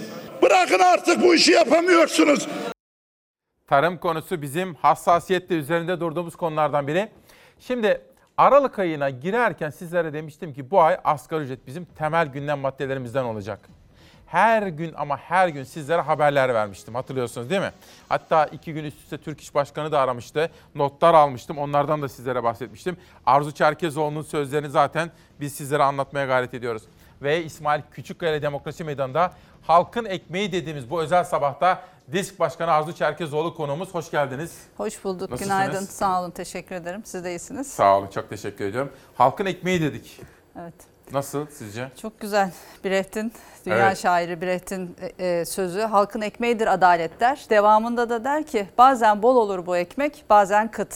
Ne yazık ki biz bugünlerde bu ekmeğin kıt olduğu bir dönemi yaşıyoruz. Maalesef. Dün gündem çalışmamızı yaparken bu etiketi konuştuk. Daha sonra Nihal Kemaloğlu dedi ki bak bu dedi aslında Bertolt Brecht'in dedi. Ben bilmiyordum doğrusu bu şiiri. evet. Sonra okudum ve gerçekten tam da altını çizdiğiniz gibi önemli bir duyguyu da veriyor bizlere. Şimdi sizlere buradan bir tane manşet okumak istiyorum. Bakalım burada. Heh. Şimdi bakın Havva Gümüşkaya. Bir günden okuyorum Sayın Başkan. Sermayeye ballı lokma, halka kuru ekmek. Evlerine ekmek dahi götüremeyecek durumda olan esnafa sadaka gibi, sadaka gibi desteğe tepki yağdı diyor efendim. Burada yapılan röportajlardan da alıntılar var birinci sayfada. TİSK'ten Hilal hazır mı? Asgari ücret konusunu soracağım. Asgari ücret ne olmalı? Çünkü tam da zamanı. İzleyelim. Arzu Çerkezoğlu'ndan yorumunu alacağız. İstihdamı korumak için dengeli bir asgari ücret belirlenmesi her zamankinden daha önemli. Asgari ücret tespit komisyonu ikinci kez toplandı. İşveren cephesi dengeli bir asgari ücret dedi. İşçinin talebi ise net. Geçinmek için yeterli bir asgari ücret. İnsanları tebessüm ettirecek, bizim de evet diyeceğimiz işverenlerle hükümetin önümüze bir rakam getireceğini umut ediyoruz. 2021 yılı asgari ücreti pandeminin yarattığı gelir kaybı ve artan giderler dikkate alarak hesaplanmalı. Türkiye'de yaklaşık 20 milyon çalışan var. Bunların 7 milyondan fazlası asgari ücretli. Çalışanların %43'ü asgari ücretle geçiniyor. Asgari ücretin yoksulluk sınırında olması lazım. Yani bu da 5500-6000 civarında. Bunun altında zaten insan ölmüş demektir. Aralık ayının gelmesiyle birlikte asgari ücret maratonu da başladı. İşçi sendikaları açlık sınırının üzerinde bir asgari ücret talep ediyor. 2021 yılı asgari ücreti net 3800 lira olmalıdır. Disk asgari ücret talebini 3800 lira olarak belirledi. Türk ise asgari ücrete zam talebinde renk vermedi. İlk olarak iktidar ve işveren cephesinin teklifini beklemeye başladı. Muhalefet ise asgari ücretin en az 3000 lira olması gerektiğini duyurdu. Brüt asgari ücreti 3000 liraya çıkarıp asgari ücretli çalışanımıza brüt kazancının tamamını ödeyelim. Asgari ücreti vergilerini de tekrar düzenledikten sonra net olarak 3300 Türk lirasına muhakkak çıkarınız. Asgari ücret tespit komisyonu ilk olarak 4 Aralık'ta toplandı. Dünse ikinci kez bir araya geldi. İşçi, işveren ve hükümet toplantı sonrası işveren cephesinden yazılı açıklama geldi. İşveren asgari ücrete destekler sürsün dedi. Asgari ücret destekleri tüm işletmeleri kapsayacak şekilde devam etsin. İşçi sendikaları ve muhalefet gibi işveren de asgari ücretteki verginin azaltılmasını istedi. İşveren bir de prim indirimi talep etti. Asgari ücret üstündeki vergi ve prim yükleri uygun seviyeye çekilsin. Gözler şimdi asgari ücret için 22 Aralık'ta yapılacak 3. toplantıda. Haberi Zafer Söken hazırladı efendim. Biraz evvel yerel gazetelerde de Savaş Yıldız imzası vardı. Ona da emekleri için teşekkür ediyorum. Disk Başkanı'na soracağım ama önce Cumhuriyet Gazetesi'nde şu haber dikkatimi çekti bugün. Türkiye en düşük asgari ücretler ülkesi. Bakın. Doçent Doktor Aziz Çelik'in çalışması ve içinde Deniz Beyaz Bulut, Diskar, sizlere sıklıkla o araştırmalardan haber veriyorum. Ve yine Diskar'dan Zeynep Kandaz'ın çalışmaları var. Türkiye en düşük asgari ücretler ülkesi. Şimdi hani böyle bunu söylüyorum ya ben. Karşılaştırma da yapmamız gerekiyor öyle değil mi? Arzu Hanım hazır gelmişken gösterelim bakın. Türkiye Avrupa ülkelerine kıyasla asgari ücrette ne durumda? Almanya 1584 euro. Yani Almanya'da çalışan bir işçi bu kadar para alıyor en az. Fransa 1539, İspanya'da 1108, Polonya'da 583, Bulgaristan'da 311, Türkiye'de 310. Asgari ücret ne olmalı? Evet Avrupa ülkeleri içerisinde en düşük asgari ücretin olduğu ülkelerden biriyiz. Bulgaristan, Sırbistan ve Arnavutluk. Hatta güncel kurla baktığımızda sadece Arnavutluk'ta asgari ücret bizden daha düşük. Dolayısıyla dünyanın ve Avrupa'nın en düşük asgari ücretli ülkelerinden bir tanesiyiz. Asgari ücret tabii e, bir rakamı konuşuyoruz ama aynı zamanda Türkiye'de bir şeyin daha altını çizmek lazım İsmail Bey. Asgari ücret e, Türkiye'de bir ortalama ücret. Şimdi bu saydığınız ülkelerde asgari ücretle çalışanların oranı %2'dir, 3'tür, en fazla 5'tir. Ama Türkiye'de çalışanların neredeyse yarısı asgari ücret ve civarında ücret alıyor. Yani biz aslında asgari ücreti konuşurken Türkiye'de ortalama ücreti konuşuyoruz. Yani hepimizin ortalama gelirini konuşuyoruz. Bir de Türkiye'de bu asgari ücrete bile ulaşamayan milyonlar var. 3 milyon 300 bin kişi bugün Türkiye'de asgari ücretten daha düşük bir ücretle çalışıyor. Hatta asgari ücretin yarısı kadar ücrete bile ulaşamayan 1 milyon işçi var Türkiye'de. Şimdi böyle bir gerçeği konuşuyoruz. O nedenle Türkiye'de asgari ücretin belirlenmesi süreci bütün ücretleri de etkilediği için asgari ücret devletin toplumla yaptığı en büyük toplu sözleşme sürecidir. Yani asgari ücret en önemli ücret pazarlığıdır bizim ülkemizde. Ve asgari ücretin uluslararası standartlara uygun bir biçimde işçinin ailesiyle birlikte geçinebileceği bir ücret olması, yıllar içerisindeki kaybını büyümeden pay alamıyor, enflasyon karşısında geriliyor çünkü bu kayıpları giderecek. Ama her şeyden önemlisi içinden geçtiğimiz bu süreçte 2021 yılı asgari ücreti her zamankinde önemli. Neden? Türkiye ciddi bir ekonomik kriz içerisinde ve üzerine bir Covid-19 pandemisine yakalandık. Ve pandeminin yarattığı gelir kayıpları, alım gücündeki düşüş çok ciddi düzeylerde. Aynı zamanda giderler arttı. O nedenle 2021 yılı asgari ücreti her zamankinden daha önemli. Biz disk olarak her yıl biliyorsunuz sizin programlarınızda da evet. anlatıyoruz. Asgari ücretin toplumsal, bilimsel ve ekonomik temellerini de koyan ayrıntılı bir rapor açıklıyoruz. Cumhuriyet Gazetesi'nde de raporu hazırlayan arkadaşlarımızın e, haberi de vardı. Evet e, birlikte çalıştığımız arkadaşlarımız hepsinin emeğine sağlık. Ve biz bu raporda aslında bütün asgari ücret gerçeğini ortaya koymaya çalışıyoruz ve bunun üzerinden talebimizi oluşturuyoruz. Bu yıl 2021 yılında asgari ücretin her şeyden önce farklı hesaplanması gerektiğini, brüt asgari ücretin net ödenmesi gerektiğini ve asgari ücret üzerindeki vergi ve kesinti yükünün ortadan kaldırılması ve hazine tarafından karşılanması gerektiğini söylüyoruz. Çünkü bir asgari ücretli yılın 122 gününü tümünü vergi ve kesintiler için çalışıyor Türkiye'de. Çok büyük bir vergi yükü var. Zaten müthiş bir vergi adaletsizliği var Türkiye'de. Hani Evet. halkın ekmeğidir adalet dedik. Evet. Vergi adaleti son derece önemlidir bir toplumsal adalet açısından. Ve biz diyoruz ki vergide adalet olmadan ücrette adalet olmaz. O nedenle asgari ücretin ve bütün ücretlerin asgari ücret düzeyindeki payının vergi dışı bırakıldığı ve asgari ücret üzerindeki başta SGK prim kesintisi olmak üzere kesinti yükünün hazine tarafından karşılandığı bir politikaya ihtiyaç var. Bu ülkede 2008 yılından beri işverenlere bütün ücretlerde 5 puanlık bir SGK prim desteği hazineden karşılanıyor. Yani Evet. 12 yıldır işverenlere biz bu desteği veriyoruz. Tamam. İşçilere niye şimdi vermeyelim? Ya da şimdi değilse ne zaman? Yani bu pandemide işçilere böyle bir destek hazineden sağlanmayacaksa bütçeden hepimizin e, toplam ürettiği değerden ne zaman sağlanacaktır? Dolayısıyla asgari ücretin tümüyle vergi dışı bırakıldığı, kesinti yükünün hazineden karşılandığı, asgari ücretin bürütünün net olarak ödendiği ve 2021 yılı koşullarında salgın da göz önüne alınarak asgari ücretin en az 3800 lira olması gerektiğini söylüyoruz. Bu rakama da 3 ayrı hesaplamayla ulaşıyoruz. Bir yoksulluk sınırı Evet. biliyorsunuz yoksulluk sınırı 8 bin liranın üzerinde Evet. Türkiye'de. Hani diyoruz ki en azından bir evde bir hanede iki kişi çalıştığında bir yoksulluk sınırı civarı ücret girebilsin eve. Tabii. Bir diğer hesaplama yöntemimiz milli gelir artışı. Türkiye çalışıyoruz, üretiyoruz, büyüyoruz. Milli gelirde ciddi bir artış var. Bu da rakamlarla ortada. Ama asgari ücretli ve bütün ücretliler bu büyümeden payını alamıyor. Bir tane küçük rakam paylaşayım sizinle. 1978 yılında bir asgari ücret kişi başına milli gelirden %3,5 daha fazlaydı. Aradan 42 yıl geçti. 2020 yılında asgari ücret kişi başına milli gelirin %40 altına düştü. Sadece bu yıl için söylersek 2020 yılında eğer bütün bu milli gelir artışı yansıtılmış olsaydı asgari ücretin bürütü bu yıl 2943 lira biliyorsunuz. 2943 lira yerine 4995 lira olması gerekirdi. Bir bunu hesapladık. Üçüncü hesaplamada Türkiye İstatistik Kurumu devletin kendi kurumu. Evet resmi. Her yıl asgari ücret tespit komisyonuna o masaya Evet. bir rakam verir. Ve o rakamın da çok altında bir e, ücret belirliyor hep komisyon. TÜİK'in geçen yıl için verdiği rakamı enflasyonla büyümeyle güncelledik. Üçüncü hesaplamamız da bu. Üçünün ortalamasını aldık. 3800 lira diyoruz. Bu olması lazım. Evet bu olması lazım. Peki. Şimdi birkaç mesaj okuyacağım. Ercan Karyağar, İsmail Bey kardeşim dün de verdik haberini. Sayın Cumhurbaşkanı'nın çağrısı oldu. Dolarları bozalım, Türk lirasına çevirelim. O halde ilk önce dolar garantili köprüler, havalimanları ve hastane, hasta garantili ödemelerden başlayıp Türk lirasına çevirseler ya diyor Ercan Bey. Haklı değil mi? Çok haklı. Çok haklı. Şimdi Sabahat Vardar, tabii sizin bir duruşunuz var. Sabahat Vardar da böyle Ecevit döneminin milletvekillerinden şimdi çok yurtsever bir insan. Sizi böyle alkışlıyor duruşunuzla, söylediklerinizle, Teşekkürler. yurtsever kişiliğinizle. Onu da söylemiş olayım. Sabahat Vardar ve BBC News'te işveren örgütü TİSK istihdamı korumak için dengeli bir asgari ücret belirlenmesi her zamankinden daha önemli diyor.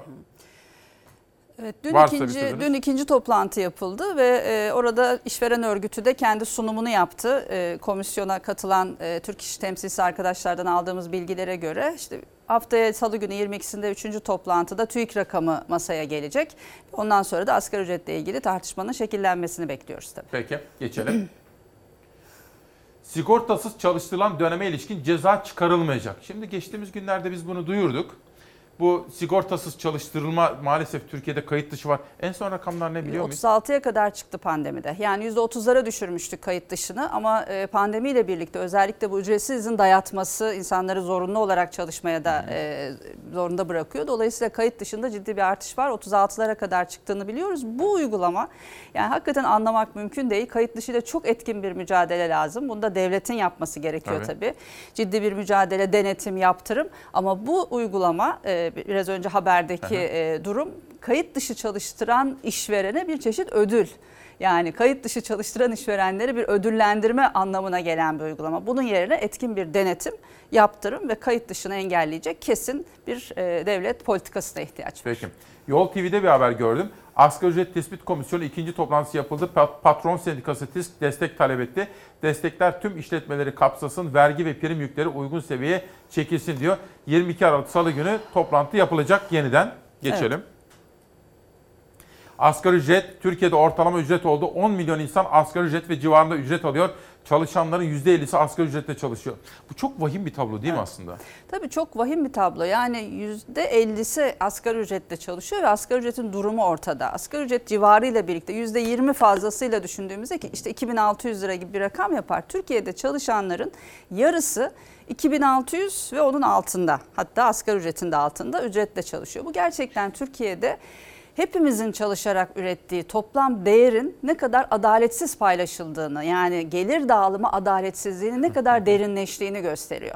Ve özellikle de son 20 yılda 2000'li yılların başında milli gelirden emeğin ücretiyle geçinenlerin aldığı pay %50 civarındaydı. Hatta %52'lere kadar çıkmıştı 99-2000'de. Ama bu oran şimdi %30'lara kadar düştü.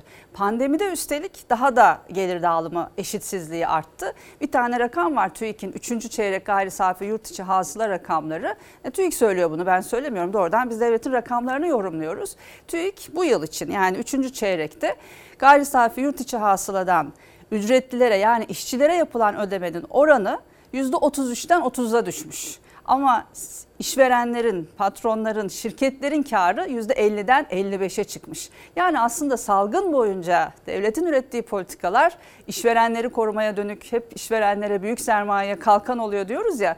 İşçiyi, emekçiyi, halkı korumaya dönük hiçbir politika hayata geçirilmedi. Onun çok somut bir göstergesi TÜİK'in verdiği bu rakamlar. Aklıma bir soru geldi ama tuhaf olur mu bilmiyorum. Olursa da ben de sorayım.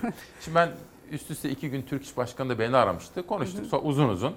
Ondan sonra notlar falan da aldım ama e, işte şunları söyleme bunları söyle. Ama hani böyle asgari ücret konusunda sizinle hak işte bütün konfederasyonlarla işbirliği yaptığını söylemişti. Orada mı öyle oluyor mu? Nasıl? Biraz... Şöyle e, iki yıldır aslında geçen yılda bir ortak açıklama yapmıştık. Yine vergide adalet konusunda Hı. üç konfederasyon olarak ortak bir açıklama yapmıştık. Bu yılda asgari ücret tespit komisyonu toplantısının ilkinin yapıldığı 4 Aralık Cuma günü bir ortak basın açıklaması yaptık. Türk İş, Hak İş ve Disk imzalı olarak ve orada asgari ücretin belirlenmesine ilişkin rakam söylemedik. Herkes farklı tamam. rakam hesaplayabilir ama temel ilkeler ve prensipleri 3 konfederasyon ortak bir iradeyle bütün kamuoyuyla, işçi sınıfıyla, yönetenlerle paylaştık. Orada şunları söyledik. Bir asgari ücret uluslararası standartlara uygun işçinin ailesiyle birlikte saptanmalı. Çünkü bütün Birleşmiş Milletler, Avrupa Konseyi, ILO kararları bunu söyler. İkincisi asgari ücretin yıllar içerisindeki kaybını giderecek. Dolar karşısında, altın fiyatları karşısında, enflasyon karşısında kaybını giderecek. Üçüncüsü asgari ücretin enflasyon karşısındaki gerilemesini giderecek ki gıda enflasyonu resmi olarak bile %20'nin üzerinde evet. ki daha fazla olduğunu biliyoruz. Ve aynı zamanda asgari ücretin tümüyle vergi dışı bırakılacak bırakıldığı ve SGK prim desteğinin hazineden karşılandığı ve işçinin ailesiyle birlikte yaşayabileceği bir ücret olmalıdır dedik. Ve bu aslında tanımlama yani bu temel ilkeler çerçevesinde yaptığımız açıklama asgari ücretin rakam olarak da standartlarını kendiliğinden Belli ortaya aslında. çıkartır. Ha, bu irade önemli. Biz bunun arkasında duruyoruz. Güzel. Ama biz asgari ücreti sadece bir masa başı pazarlığı olarak da görmüyoruz. Bu kadar büyük bir pazarlık sürecini. O yüzden masada olmasak da tarafız. Bir taraftan diğer konfederasyonlarla tabii biz de görüşüyoruz. Ama aynı zamanda disk olarak taraf olduğumuz için ve bir masa başı pazarlığı olarak sadece görmediğimiz için de eylemlerle, etkinliklerle işte geçen hafta vergi daireleri önündeydik. Bu hafta iş yerlerinde çok yaygın eylemlerimiz var. Haftaya da devam edecek. Şimdi ben size ayrıca da çok saygı duyuyorum. Örgütlü toplumu savunuyorsunuz ya, örgütlü teşkilat. Tabii. Yani çok önemli bir şey. Demokrasimiz böyle büyüyecek, böyle gelişecek. Bakın Sendikaya üye olan evet. 90 işçi işten çıkarıldı. Emekçiler fabrika önünde direnişini sürdürüyor. O kadar çok yerde böyle olaylar görüyoruz ki. Şimdi aslında şu anda biliyorsunuz işten çıkarma yasağı var. Pandemide ilk günden itibaren biz bunu çok e, net bir biçimde önerdik, savunduk. Ama hiçbir istisnası olmadan işten çıkarma yasağı getirilmelidir dedik. Ama bir ücretsizin dayatması geldi biliyorsunuz. Onu konuşuruz ayrıca ama böyle bir yasak olmasına rağmen işçiler sendikaya üye olduğu için işten çıkartıyor. Bu Çorum'daki bir e, Diske Birleşik Metal Sendikası sendikamızın örgütlendiği bir fabrika. 90 işçi arkadaşımız bugün orada bir basın açıklaması da olacak. Sadece sendikaya üye olduğu için işten çıkartıldı. İstanbul'da yine bir tekstil fabrikasında bunu yaşıyoruz. İzmir'de bir lastik fabrikasında, petrokimya fabrikasında bunu yaşıyoruz. Gebze'de yaşıyoruz. Yani Türkiye'nin her yerinde işçiler sendikalı olduğunda, hele de diskli olduğunda sendikadan ayrılmaya ve sendikalı olduğu için baskıya ne yazık ki uğruyor. Ücretsizin dayatması, işten çıkarmalar bu tümüyle haksız ve hukuksuzdur. Bir kez daha altını çizmek isterim. Sendikaya üye olmak bu ülkede çalışan bütün işçilerin en temel yasal ve anayasal hakkıdır. Bunu engellemek suçtur ve ülkeyi yöneten siyasi iktidarı, Çalışma Bakanlığı'nı, hükümeti de işverenlerin çok açıkça haksız ve hukuksuz olarak işledikleri bu suç işleme sürecine müdahale etmeye ve sessiz kalmamaya çağırıyoruz. Çünkü patronlar bu gücü bu sürece en hafif deyimiyle sessiz kalan ne yazık ki hükümetten alıyor. Peki. Sevgili Türkiye'm 16 Aralık 2020 İsmail Küçükkaya ile Demokrasi Meydanı'nda DİSK Genel Başkanı Arzu Çerkezoğlu var. Bir reklam arasına gideceğiz. Kendisine bir çay ya da kahve ikram eder. Ne alırsınız efendim? Çay? Kahve içerim. Kahve içeriz. Beraber bir kahve içeceğiz kendisiyle. Dönüşte sağlık çalışanları ile ilgili bir haberimiz var. Meslek hastalığı sayılıp sayılmaması hususu hala tartışılıyor maalesef. Ve Covid'den hayatını kaybeden bir emekçi kardeşimizin ailesiyle ilgili bir haber var. Onları soracağım kendisine. Emeklimiz ve işçilerimizle ilgili haberler var kendilerine sormak istediğim. Ve daha pek çok sürpriz bizleri bekliyor. Ama önce sade kahve molası.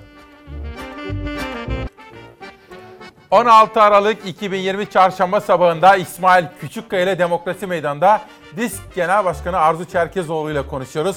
Asgari ücreti konuştuk. Ama daha konuşmamız gerekenler mesela emekliler var mesela. Sağlık çalışanları var. Sendikalı toplum amacımız ve yaşadıklarımızla ilgili yorumlarını da izledik. Arzu Çerkezoğlu'na sorduğunuz sorulardan da aldım, derleyip toparladım. Şu andan itibaren Savaş Yıldız kardeşim yönetmen koltuğunda. Kendisinden çalar saati huzurlarınıza getirmesini rica edeceğim. Halkın ekmeği dedik. Laf aramızda reklam arasında Arzu Hanım dedi ki etiket çok şık olmuş, doğru olmuş dedi. Teşekkür ediyoruz dedi. Ben de kendisine teşekkür ediyorum. Atol Behramoğlu şiirinde diyor ki bilin halkın ekmeğidir adalet. Bakarsınız bol olur bu ekmek. Bakarsınız kıt. Bakarsınız doyum olmaz tadına. Bakarsınız berbat. Azaldı mı ekmek başlar açlık. Bozuldu mu tadı başlar hoşnutsuzluk boyatmaya. Bozuk adalet. Bozuk adalet yeter artık. Acemi ellerle yoğrulan, iyi pişirilmemiş adalet yeter. Yeter katıksız kara kabuklu adalet. Dura dura bayatlayan adalet yeter. Bolsa insanın önünde ekmek, lezzetliyse gözler öbür yiyeceklere yumulsa da olur. Ama her şey bollaşmaz ki birdenbire. Bilirsiniz nasıl bolluk doğurur ekmek. Adaletin ekmeğiyle beslene beslene. Ekmek her gün nasıl gerekliyse nasıl nasıl adalet de gerekli her gün. Hem o günde birçok kez gerekli diyor efendim. Müthiş bir şiirdi. Şimdi Arzu Çerkezoğlu'na bir soru soracağım. Savaş haber hazır mı?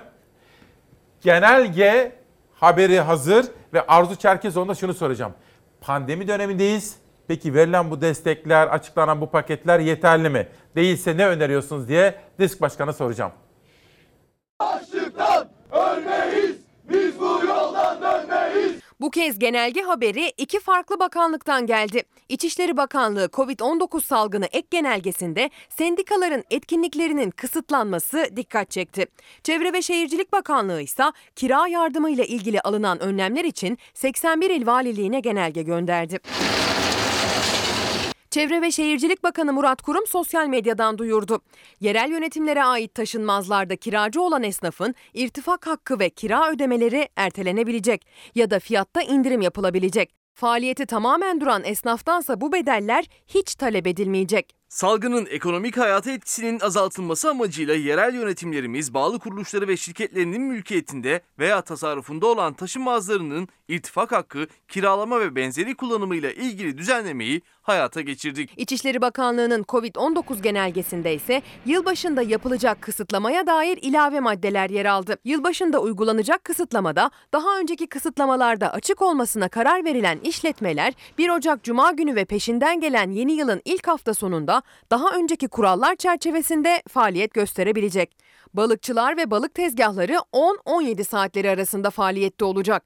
Yeni yılın ilk haftası için kısıtlamalar 1 Ocak 2021 Cuma günü ve peşinden gelen cumartesi pazar için geçerli olacak. Öte yandan İçişleri Bakanlığı genelgesinde sendikal etkinlikler için yeni bir parantez açıldı. Sivil toplum kuruluşları, meslek kuruluşları, birlikler ve kooperatiflerle sendikalar 1 Mart 2021'e kadar genel kurul dahil hiçbir etkinlik yapamayacak. Alınan tedbirler ve durum bu. Peki açıklanan paketler nasıl buldunuz ve eksikse nasıl tamamlayacağız? Şimdi her şeyden önce bu pandemi başladığında tabii çok büyük bir sağlık krizi bütün dünyayı etkisi altına alan ama aynı zamanda bu pandeminin çok önemli ekonomik ve toplumsal sonuçları olacağına ilk günden itibaren dikkat çektik ve alınması gereken önlemleri de ifade etmeye çalıştık. Bütün kamuoyuyla da paylaştık. Ancak ülkemizde Türkiye'de hükümetin pandeminin ilk gününden itibaren bütün politikaları açıklanan bütün paketler işçiyi, işsizi, bu süreçte işini kaybedeni, gelirini kaybedeni, küçük esnaftan işçiye, emekliye kadar halkı korumaya dönük politikalar olarak değil, büyük şirketleri sermaye dönük politikalar olarak şekillendi ve aslında bunun sonuçlarını bugün yaşıyoruz. Gerçekten Covid-19 bir yanıyla çok büyük bir sağlık krizi.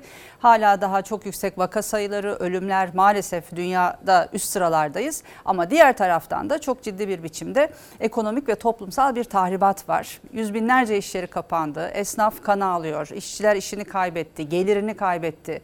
Kısa çalışma ödeneği, yaklaşık 2 milyondan fazla işçi arkadaşımız ücretsiz izin dayatmasıyla günde 39 lira ayda 1168 lirayla yaşamaya çalışıyor ve bu süreçte hep dedik ki sosyal devlet, sosyal politika, sosyal politika. Sosyal politika ve sosyal devlet anlayışı olmadan pandemiyle mücadele edilemez. Çünkü mesele sadece hastanelerde sağlık krizi olarak pandemiyi çözmek değil. Sağlığın sosyal belirleyiciliği dediğimiz yani herkesin dengeli beslenebilme, meyve yiyebilme, protein alabilme bütün bunlar için gelirinin de güvence altında olması lazım. Yani devletin bu süreçte 3 tane temel görevi var. 83 milyonun sağlığını, bütün çalışanların işini ve bütün yurttaşların gelirini korumaktır, güvence altına almaktır dedik. Ama açıklanan paketler yapılan, şimdi bir tane e, tablo var elimde. Lütfen gösterelim. Bunu e, biz eğitimlerde de çok konuşuyoruz. O yüzden e, yanımda da getirdim. Özellikle Çalışma Bakanı bunu çokça paylaşıyor. En son Cumhurbaşkanı konuşmasında da söyledi. Şu Şöyle bir dik, Ha, böyle bir pardon. biraz daha bu tarafa hem böyle bir durabilir misiniz? Bir okunsun istiyorum çünkü lütfen. Sosyal koruma kalkanı e, deniyor buna ve işte çeşitli yardımlar ve yapılan ödemeler anlatılıyor bu e, tabloda. Aslında bu tablo bir itiraf. Bu tablo Türkiye'de devletin pandemi sürecinde sosyal sorumlulukları yerine getirmediğinin bir itirafı.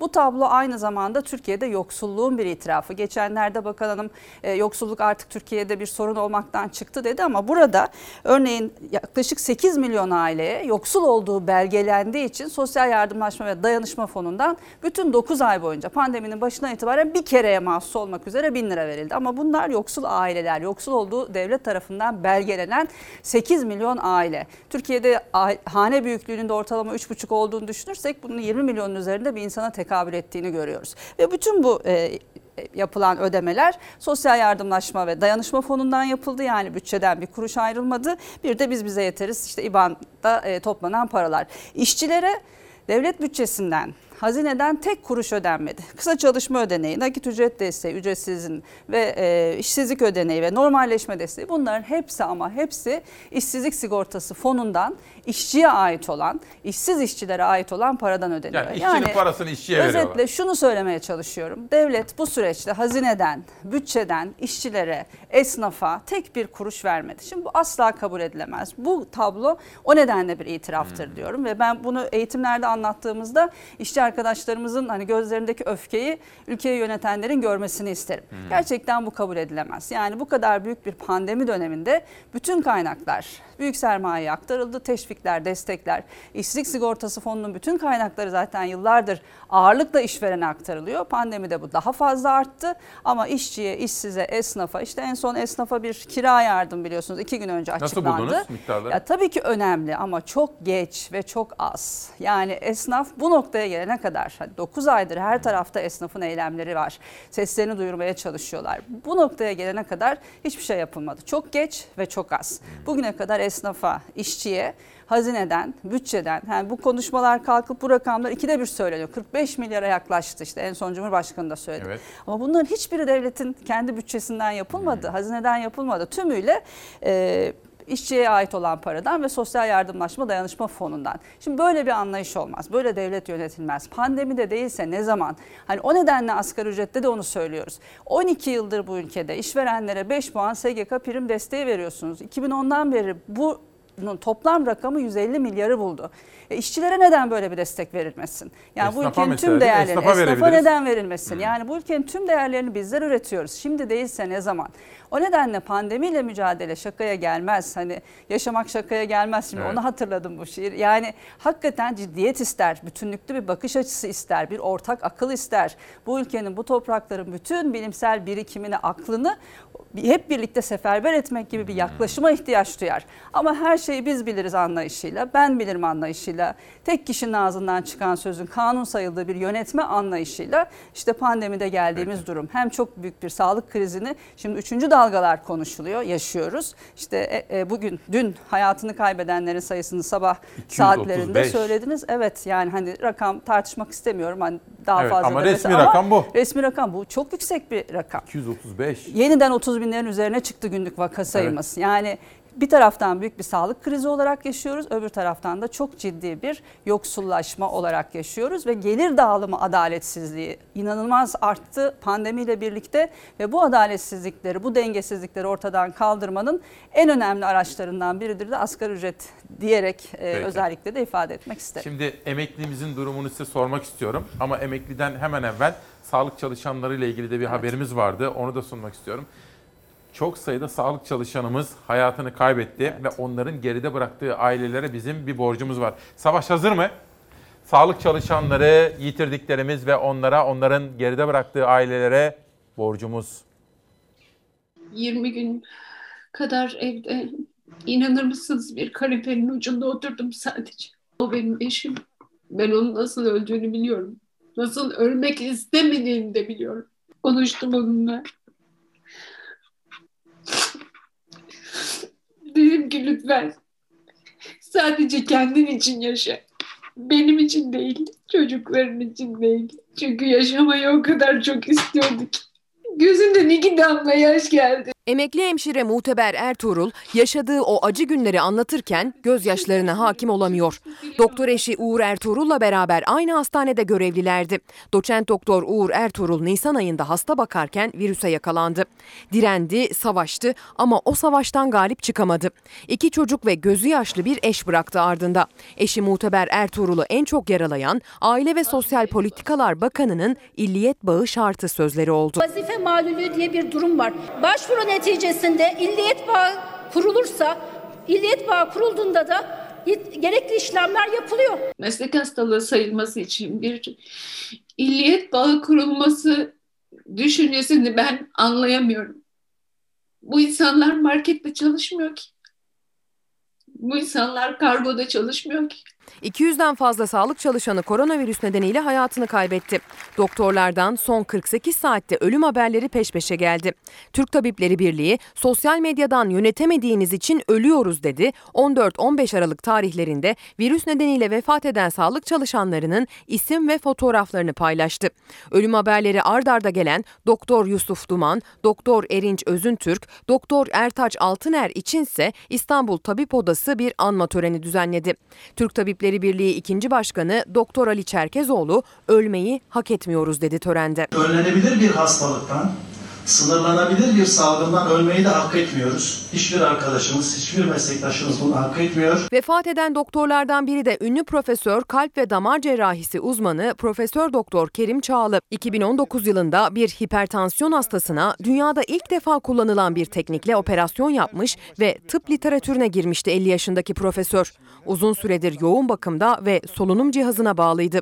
Virüsün elinden kurtulamadı. Doğru hastaya uygun zamanda doğru tekniğin uygulanmasıdır. Sağlık çalışanlarının en büyük endişeleri geride bırakacakları aileleri.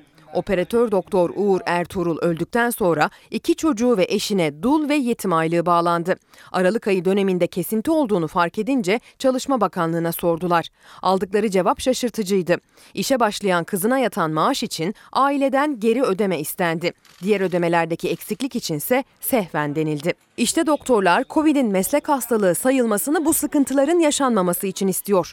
Onlara kapıyı kapatan Çalışma Bakanı Zehra Zümrüt Selçuk olmuştu.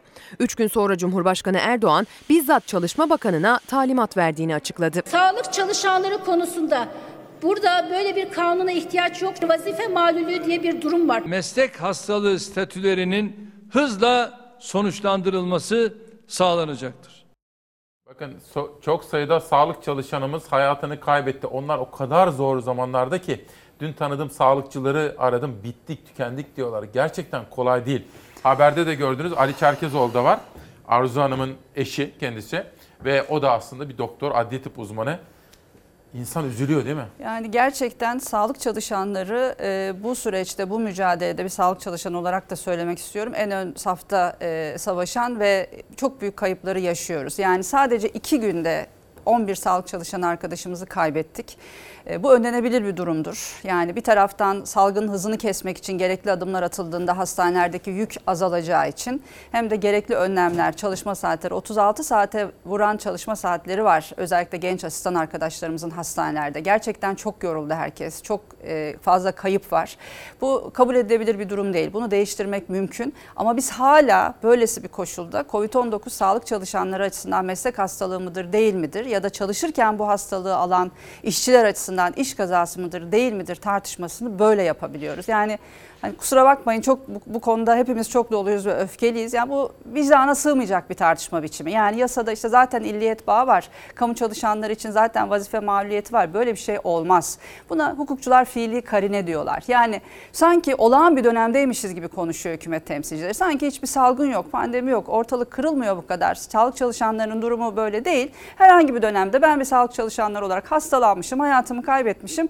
Bunun meslek hastalığı olduğunu iddia ediyorum. Git o illiyet bağını kur, sen kanıtla diyorlar. Böyle bir şey olmaz. Bu kadar büyük bir pandemi sürecinde her gün 3-5 sağlıkçının hayatını kaybettiği, işçilerin COVID-19'un bir işçi sınıfı hastalığı haline geldiği bir dönemde artık buna fiili karine diyor hukukçular. Yani çok aç- açık bir biçimde tablo ortadadır. Yani her şey bu kadar açık olduğu bir yerde ispat yükümlülüğü hani hukuki dille söyleyeyim yer değiştirir. Yani böylesi bir süreçte Covid-19 meslek hastalığıdır. Çalışırken bu hastalığa yakalanan işçiler için de iş kazasıdır.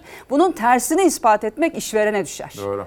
Burada bu- bunun e, çok net bir biçimde bile yok. tartışması bile yoktur. Yani günde 36 saat, 36 saat mesailerle, 24 saat nöbetlerle gü- gün aşırı nöbet tutan sağlık çalışanı arkadaşımız, hekim arkadaşımız hayatını kaybettiğinde onun yakınlarına git sen illiyet bağla sen ispat et demenin vicdanla, akılla hiçbir şeyle bağdaşır bir tarafı yok. Şimdi ben yönetmenimden rica edeceğim. Dün Çukurova gazetesi vardı. O hemen bulur onu. Dün de işçi ölümleri var. Bir taraftan şimdi şöyle düşünün Arzu Hanım. Ben diyelim bir fabrikada çalışıyorum. Yanımda Covid'li var, şu var, bu var. Olabilir. Tabii. O kadar yaygınlaştı ki. Şimdi bakın Çukurova gazetesi dün en fazla işçi ölüm nedeni Covid-19 diyor. Şimdi tabii Disk R da bunları açıklıyor. Ondan sonra çok farklı yerlerden de işçi ölümleri de Türkiye'nin kanayan yarası. Çünkü çünkü yani şu anda zaten işçi ölümleri kanayan yara iş cinayetleri. Ama şu an en fazla ölüm nedeninin Covid-19 olmasının nedeni şu. İlk günden itibaren alınan bütün önlemlerden, uygulanan bütün politikalardan hep çarklar dönecek anlayışıyla, ne olursa olsun üretim devam edecek anlayışıyla işçiler bu önlemlerin dışında tutuldu. Hatırlayın sokağa çıkma yasakları ilk e, uygulandığında işçiler hariç denildi. 20 yaş altına sokağa çıkma yasağı getirildi. 18-20 yaş arasındaki çalışanlar hariç denildi. Yani ne olursa olsun çarklar dönecek anlayışıyla işçiler virüsle burun buruna fabrikalarda dip dibe çalışmaya mecbur bırakıldı. İnsanlar işini kaybetmemek için, evine ekmek götürebilmek için hasta olmayı, Covid'e yakalanmayı göze alarak her gün sadece İstanbul'da 5,5 milyon insan her gün toplu taşıma araçlarıyla işe gidiyor, akşam da geri dönüyor. Yani böyle bir tablonun devam etmesi ve işçileri ne olursa olsun çalışmaya mecbur bırakan bir yaklaşımın sonucudur en fazla ölüm nedeninin Covid-19 olması. Biz zaten başından itibaren bir sürü rakam da açıklıyoruz ama rakam konuşmak istemiyorum. Sadece disk üyeleri içerisinde bile toplumun 3-4 kat daha fazlası Covid pozitif vakalar var. Şu an hastanelerde, e, iş yerlerinde, fabrikalarda o kadar çok Covid pozitif arkadaşımız var ki ve bu ısrarla ve ısrarla çarklar dönecek. Sermaye karından bir şey kaybetmeyecek. Demin bir rakam söyledim. Pandemide bile şirketlerin karı %50'den 55'e yükselmiş durumda. Bu nasıl oluyor? İşte işçilerin hayatını kaybetmesi pahasına oluyor. Bu yaklaşımın, bu politikanın değişmesi lazım ve gerçekten salgınla mücadele edilmek isteniyorsa bu konuda gerekli adımların atılması ve zorunlu, acil, temel hizmetler dışında bütün işlerin istisnasız bir biçimde durdurulduğu ve bütün e, tabii ki gelirlerin güvence altına alındığı bir biçimde bir yaklaşıma politikaya Peki. ihtiyaç var. Bilim insanları da bunu anlatıyor zaten. Şimdi Biraz evvel Sabahat Hanım'dan bahsetmiştim. Bircan Sılan var. O da diyor ki keşke diğer kadınlar mesela Çalışma Bakanımız da diyor hani bu şekilde konuşsa size örnek alıyormuş. Bircan Hanım da hani etkilenmiş duruşunuzdan, tavrınızdan. Bahattin Yücel halk ekmekle ilgili haberimiz vardı. O haber hazır mı Savaş? Onu bir kere bir hazırlayın. Bu arada Genco Erkal, o da her sabah bizi izler. Türk tiyatrosunun büyük ustasıdır. Yıllardır bu şiiri sahnede okur. Bertolt Brecht'in. Fakat orada biz bir hata mı yaptık Savaş? Ben Genco Bey'in mesajını sana bir atayım. Onu bir kontrol et olur mu? Bertolt Brecht diye söyledik ama bir hata yaptıysak Genco Erkal'ın büyük ustamızın gözünden kaçmamıştır. Onu şimdi öğreneceğim. Şunu anlayamıyorum bakın. Hangi partili olursa olsun İstanbul Belediyesi hangi partiden gelirse gelsin. Halkımıza daha ucuza daha çok ekmek verebilmek için halk ekmek büfelerini arttırma çabası desteklenmeli. Üstelik de diyor ki biz daha fazla halk büfesi açarsak şehitlerimizin yakınlarına, gazilerimize, onların yakınlarına o büfelerde imkan sağlayacağız diyorlar. Fakat ben şunu hiçbir türlü anlamıyorum. AK Partili ve MHP'li belediye meclis üyeleri de onlar da ülkemizi çok seviyorlar. Fakat bu çabayı neden desteklemiyorlar? Desteklemedikleri gibi neden engelliyorlar? Bunu gerçekten anlamak mümkün değil.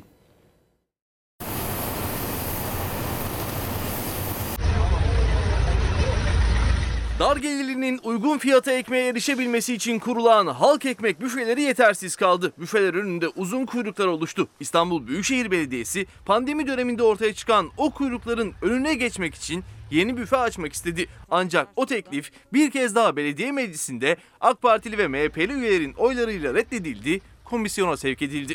Tek olduğu için de burada çok kalabalık oluyor. İstanbul Büyükşehir Belediyesi'ne bağlı halk ekmekte talebin karşılanması için üretim kapasitesi artırıldı. Kapasite 1 milyon 250 bine çıkarıldı. Geçmiş yıllarda ortalama 800-900 bin adet üretim yaparken biz geçtiğimiz Kasım ayını 1.250 bin adet ortalamayla kapattık. Fırınlarda 200 gram ekmek 2 liraya satılıyor. Halk ekmek büfelerinde ise 250 gram ekmek 1 lira. İşte bu yüzden özellikle pandemi döneminde geliri azalan İstanbullunun tercihi oldu halk ekmek. Büfeler önünde metrelerce kuyruk oluştu. İstanbul Büyükşehir Belediyesi kuyrukların önüne geçmek için 142 yeni halk ekmek büfesi açılması teklifini belediye meclisine getirdi. AK Parti ve MHP grupları ise o teklifin hemen oylanmasını reddetti, teklifi komisyona havale etti. Teklifin reddedilmesi üzerine İstanbul Büyükşehir Belediye Başkanı Ekrem İmamoğlu sosyal medya hesabı üzerinden bir mesaj paylaştı. Büfe sayısının artırılmasında ısrarcı olacaklarını söyledi. Şehit, gazi ve engelli ailelerinin işletmesi kaydıyla halk ekmek büfelerinin sayısının artırılması talebimizde de ne olursa olsun ısrar edeceğiz. Evet Genco Üstad'a selam söylüyoruz. Bertolt Brecht'in o şiiri bugün gündem oldu. Sosyal medyada da paylaşıyoruz. Halkın ekmeği. Evet halkın ekmeği adalettir dedik ve biraz önceki haberdeki e, İstanbul Büyükşehir Belediyesi'nde yaşanan süreci tabii kabul etmek mümkün değil. E, bu çünkü çok açık ki siyasal kaygılarla yapılan bir e, durum ve gerçekten halkın ucuz, sağlıklı, besleyici ekmeğe kavuşabilmesi açısından büyük kentlerde İstanbul başta olmak üzere bu çalışma son derece önemli. Ben bu vesileyle de e, efsane belediye başkanı Ahmet İsfan'ı anmak isterim. Ha, İstanbul halk Halk, ekmeği Ekmeği'nin tabii kurucusu dis davasından da yargılanmıştır kendisi 77 1 Mayıs'ı nedeniyle. Onu da saygıyla anmak isterim. Peki. Bu arada Tezcan Hanım'dan Ankara Mimar Odası'ndan gelen bir görüntü vardı arkadaşlar. Onu rica edeceğim. Unutmadan şimdi bazen konuklarıma unutuyorum. Bu kitabı da size armağan etmek istiyorum. Siz de çok fikri hür, vicdanı hürsünüz ve rol modeli bir kadınsınız. Bugün anısına imzaladım. Sağ olun. Geçen ay çıkan kitabımız. olun, Size çok takdim etmek ediyorum. istiyorum. Şimdi emekli. Evet. Şimdi Arzu Hanım ben şöyle bir şey hayal ediyorum. Hani yurt dışına falan gittiğimiz zaman görüyoruz ya ya da diyelim Antalya'ya gittik. Almanlar geliyor. Fransızlar, İngilizler Fethiye'ye gidiyor. Dalyan'a gidiyorlar. Emekli. Öyle zenginler değil. Emekli. Tatilini yapabiliyor. Biz kendi emeklimize hayatın en güzel baharında bunu neden sağlayamıyoruz mesela? Bunu sağlayamıyoruz. Aslında emekliler tabii çalışma hayatının işçilerden sonra en büyük kesimi. 9 milyon emekli var, 4 milyon da hak sahibi var ama emeklilerin yaşam koşulları gerçekten Türkiye'de özellikle 1999 ve 2008'de yapılan düzenlemelerle son derece ciddi bir biçimde kötüleşti. Biz geçenlerde bir rapor açıkladık. Aslında verilere de çok sağlıklı ulaşılamıyor ama toplam veriler üzerinden bir yorumlama yaptık. En düşük emekli maaşı alan %20'lik dilimin emekli aylığı ve geliri %20'lik dilimin Temmuz 2020 itibariyle harcanabilir net geliri 763 lira. Asgari ücretin bile altında emekli aylığı alanların oranı e, çok yüksek yaklaşık 9 milyon civarında. Dolayısıyla emekliler Türkiye'de bir hak olan emeklilik yani çalışırken hepimizin belli bir süre çalıştıktan sonra emekli olmak ve son nefesimize kadar da insanca yaşayabileceğimiz bir ücret ve sağlık hakkı başta olmak üzere sosyal hakka sahip olmak temel bir yurttaşlık hakkıdır. Devletin de görevidir. Biz bu hakkı aslında çalışırken elde ederiz. İşçiler her zaman önce çalışır sonra hak elde eder. Yani mesela önce bir ay çalışırsınız sonra ücretinizi alırsınız değil mi? Kıdem tazminatı da öyledir. İşsizlik e, maaşı da öyledir. Emeklilik de öyledir. Yani çalışarak önceden hak edilen bir şeydir. O yüzden bazen hükümet yetkilileri çıkıyor işte emeklilerimize iki yılda işte şu kadar milyar lira ödeme yaptık, maaş ödedik. Yani Sanki bu, bu bir lütuf mu? Bu o emeklinin, o kişinin zaten çalışarak hak ettiği bir şeydir. Ama Türkiye'de hem işte 2008'den itibaren özellikle emekli olmak zorlaştı. Biliyorsunuz büyük bir EYT sorunumuz var. Ee, üzerinden atlamayalım. Bugün Türkiye'de milyonlarca EYT'li var. Hem emekli olmak zorlaştı hem de emekli maaşları giderek daha da aşağıya düştü. İşte emekli e, bağlama oranları, güncelleme katsayısı vesaireyle. En son pandemide biliyorsunuz Mart ayında ilk açıklanan o kalkan denilen pakette Cumhurbaşkanı çok övünerek söyledi. Dedi ki en düşük emekli maaşını 1500 lira yapıyoruz. Şimdi bu aslında ülkeyi yönetenler için utanılması gereken bir itiraftır. Yani asgari ücretin bile yarısının daha altında emekli aylığı alan milyonlar var Türkiye'de. Kaldı ki 1500 liraya da yükselmedi. 1500 liranın altında aylık alanların ki 1500'e tamamlanıyor ama aylık yine 1100 lira 1200 lira olarak kalıyor. Dolayısıyla enflasyon oranında örneğin yılbaşında yapılacak olan artışlar o 1100 lira 1200 lira üzerinden yapılacak. Yani yıllarca 1500 liraya ulaşamayacak bile bu aylıklar. Dolayısıyla Emeklilik temel bir haktır ve özellikle EYT sorununun çözümü de son derece mümkündür. Hep maliyet hesabı yapıyorlar. En fazla SGK'nın emekli aylık ödemelerine ayda 2 milyar lira %6-7'lik bir artış anlamına gelir. Mesele tercihtir o nedenle. Peki. Dolayısıyla emekliliğin bir hak olduğunu ve emeklilerimize de insanca yaşayabileceği bir e, çalışma koşulu, yaşam önemli. koşulu vermek, sağlamak devletin temel görevidir. Evet Savaş şimdi yine bir başka akıllı, güçlü, kendi ayakları üzerinde duran örgütü toplumu savunan bir kadın. Ankara Mimar Odası'ndan gelen mesajlar. Bu önemli. Ankara'daki Saracoğlu Mahallesi'nin biliyorsunuz biz de buradaki gelişmelerde Mimarlar Odası'nın yanındayız. Saracoğlu Mahallesi'nin mimarı Paul Bonas'ın telif haklarının vekaletini alan Mimarlar Odası Ankara Şube Başkanı Tezcan Karakuşcan'dan avukatlarımız müdahalenin meni davasına hazırlanıyorlar dedi. Yani hak arama mücadele sürüyor. Ben tabii hemen bırakmak da istemiyorum. Arzu Hanım'a bir soru daha sormak istiyorum. Savaş kuraklık haber hazır mı? İzleyelim.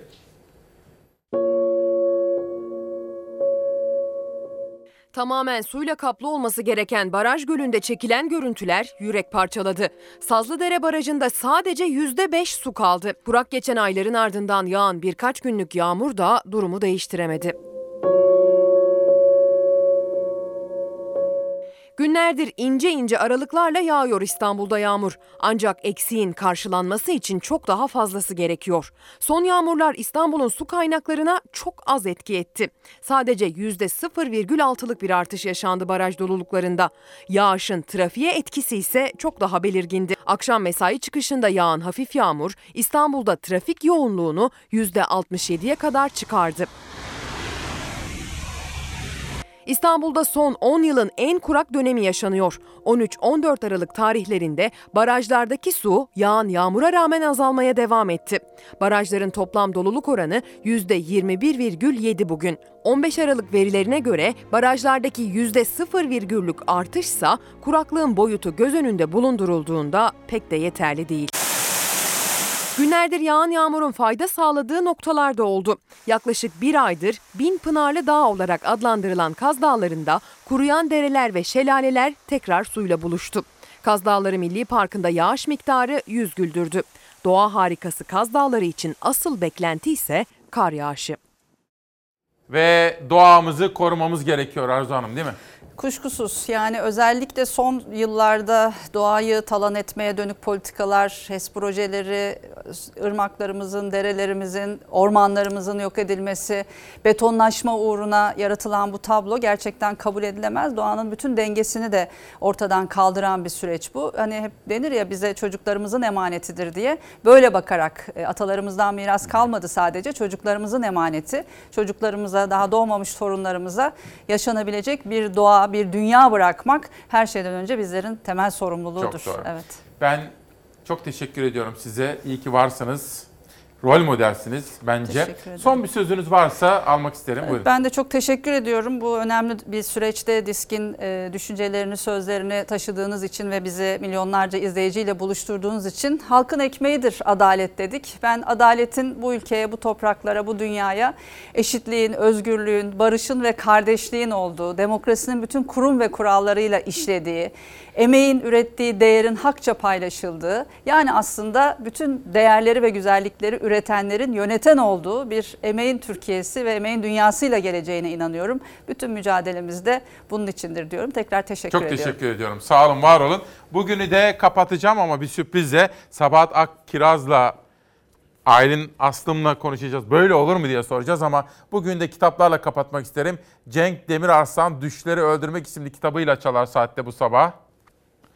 Saplantı konusu Aysun Kırımlıgil yazmış, imzalamış ve bize göndermiş. Ve mutluluk projesi Feza Karakaş. Mutluluğa 53 adım diyor efendim. Diyoruz ki böyle olur mu? Beni ağlattın güzel, derde bağlattın güzel. Beni ağlattın güzel, derde bağlattın güzel. Ele bıraktın güzel, böyle olur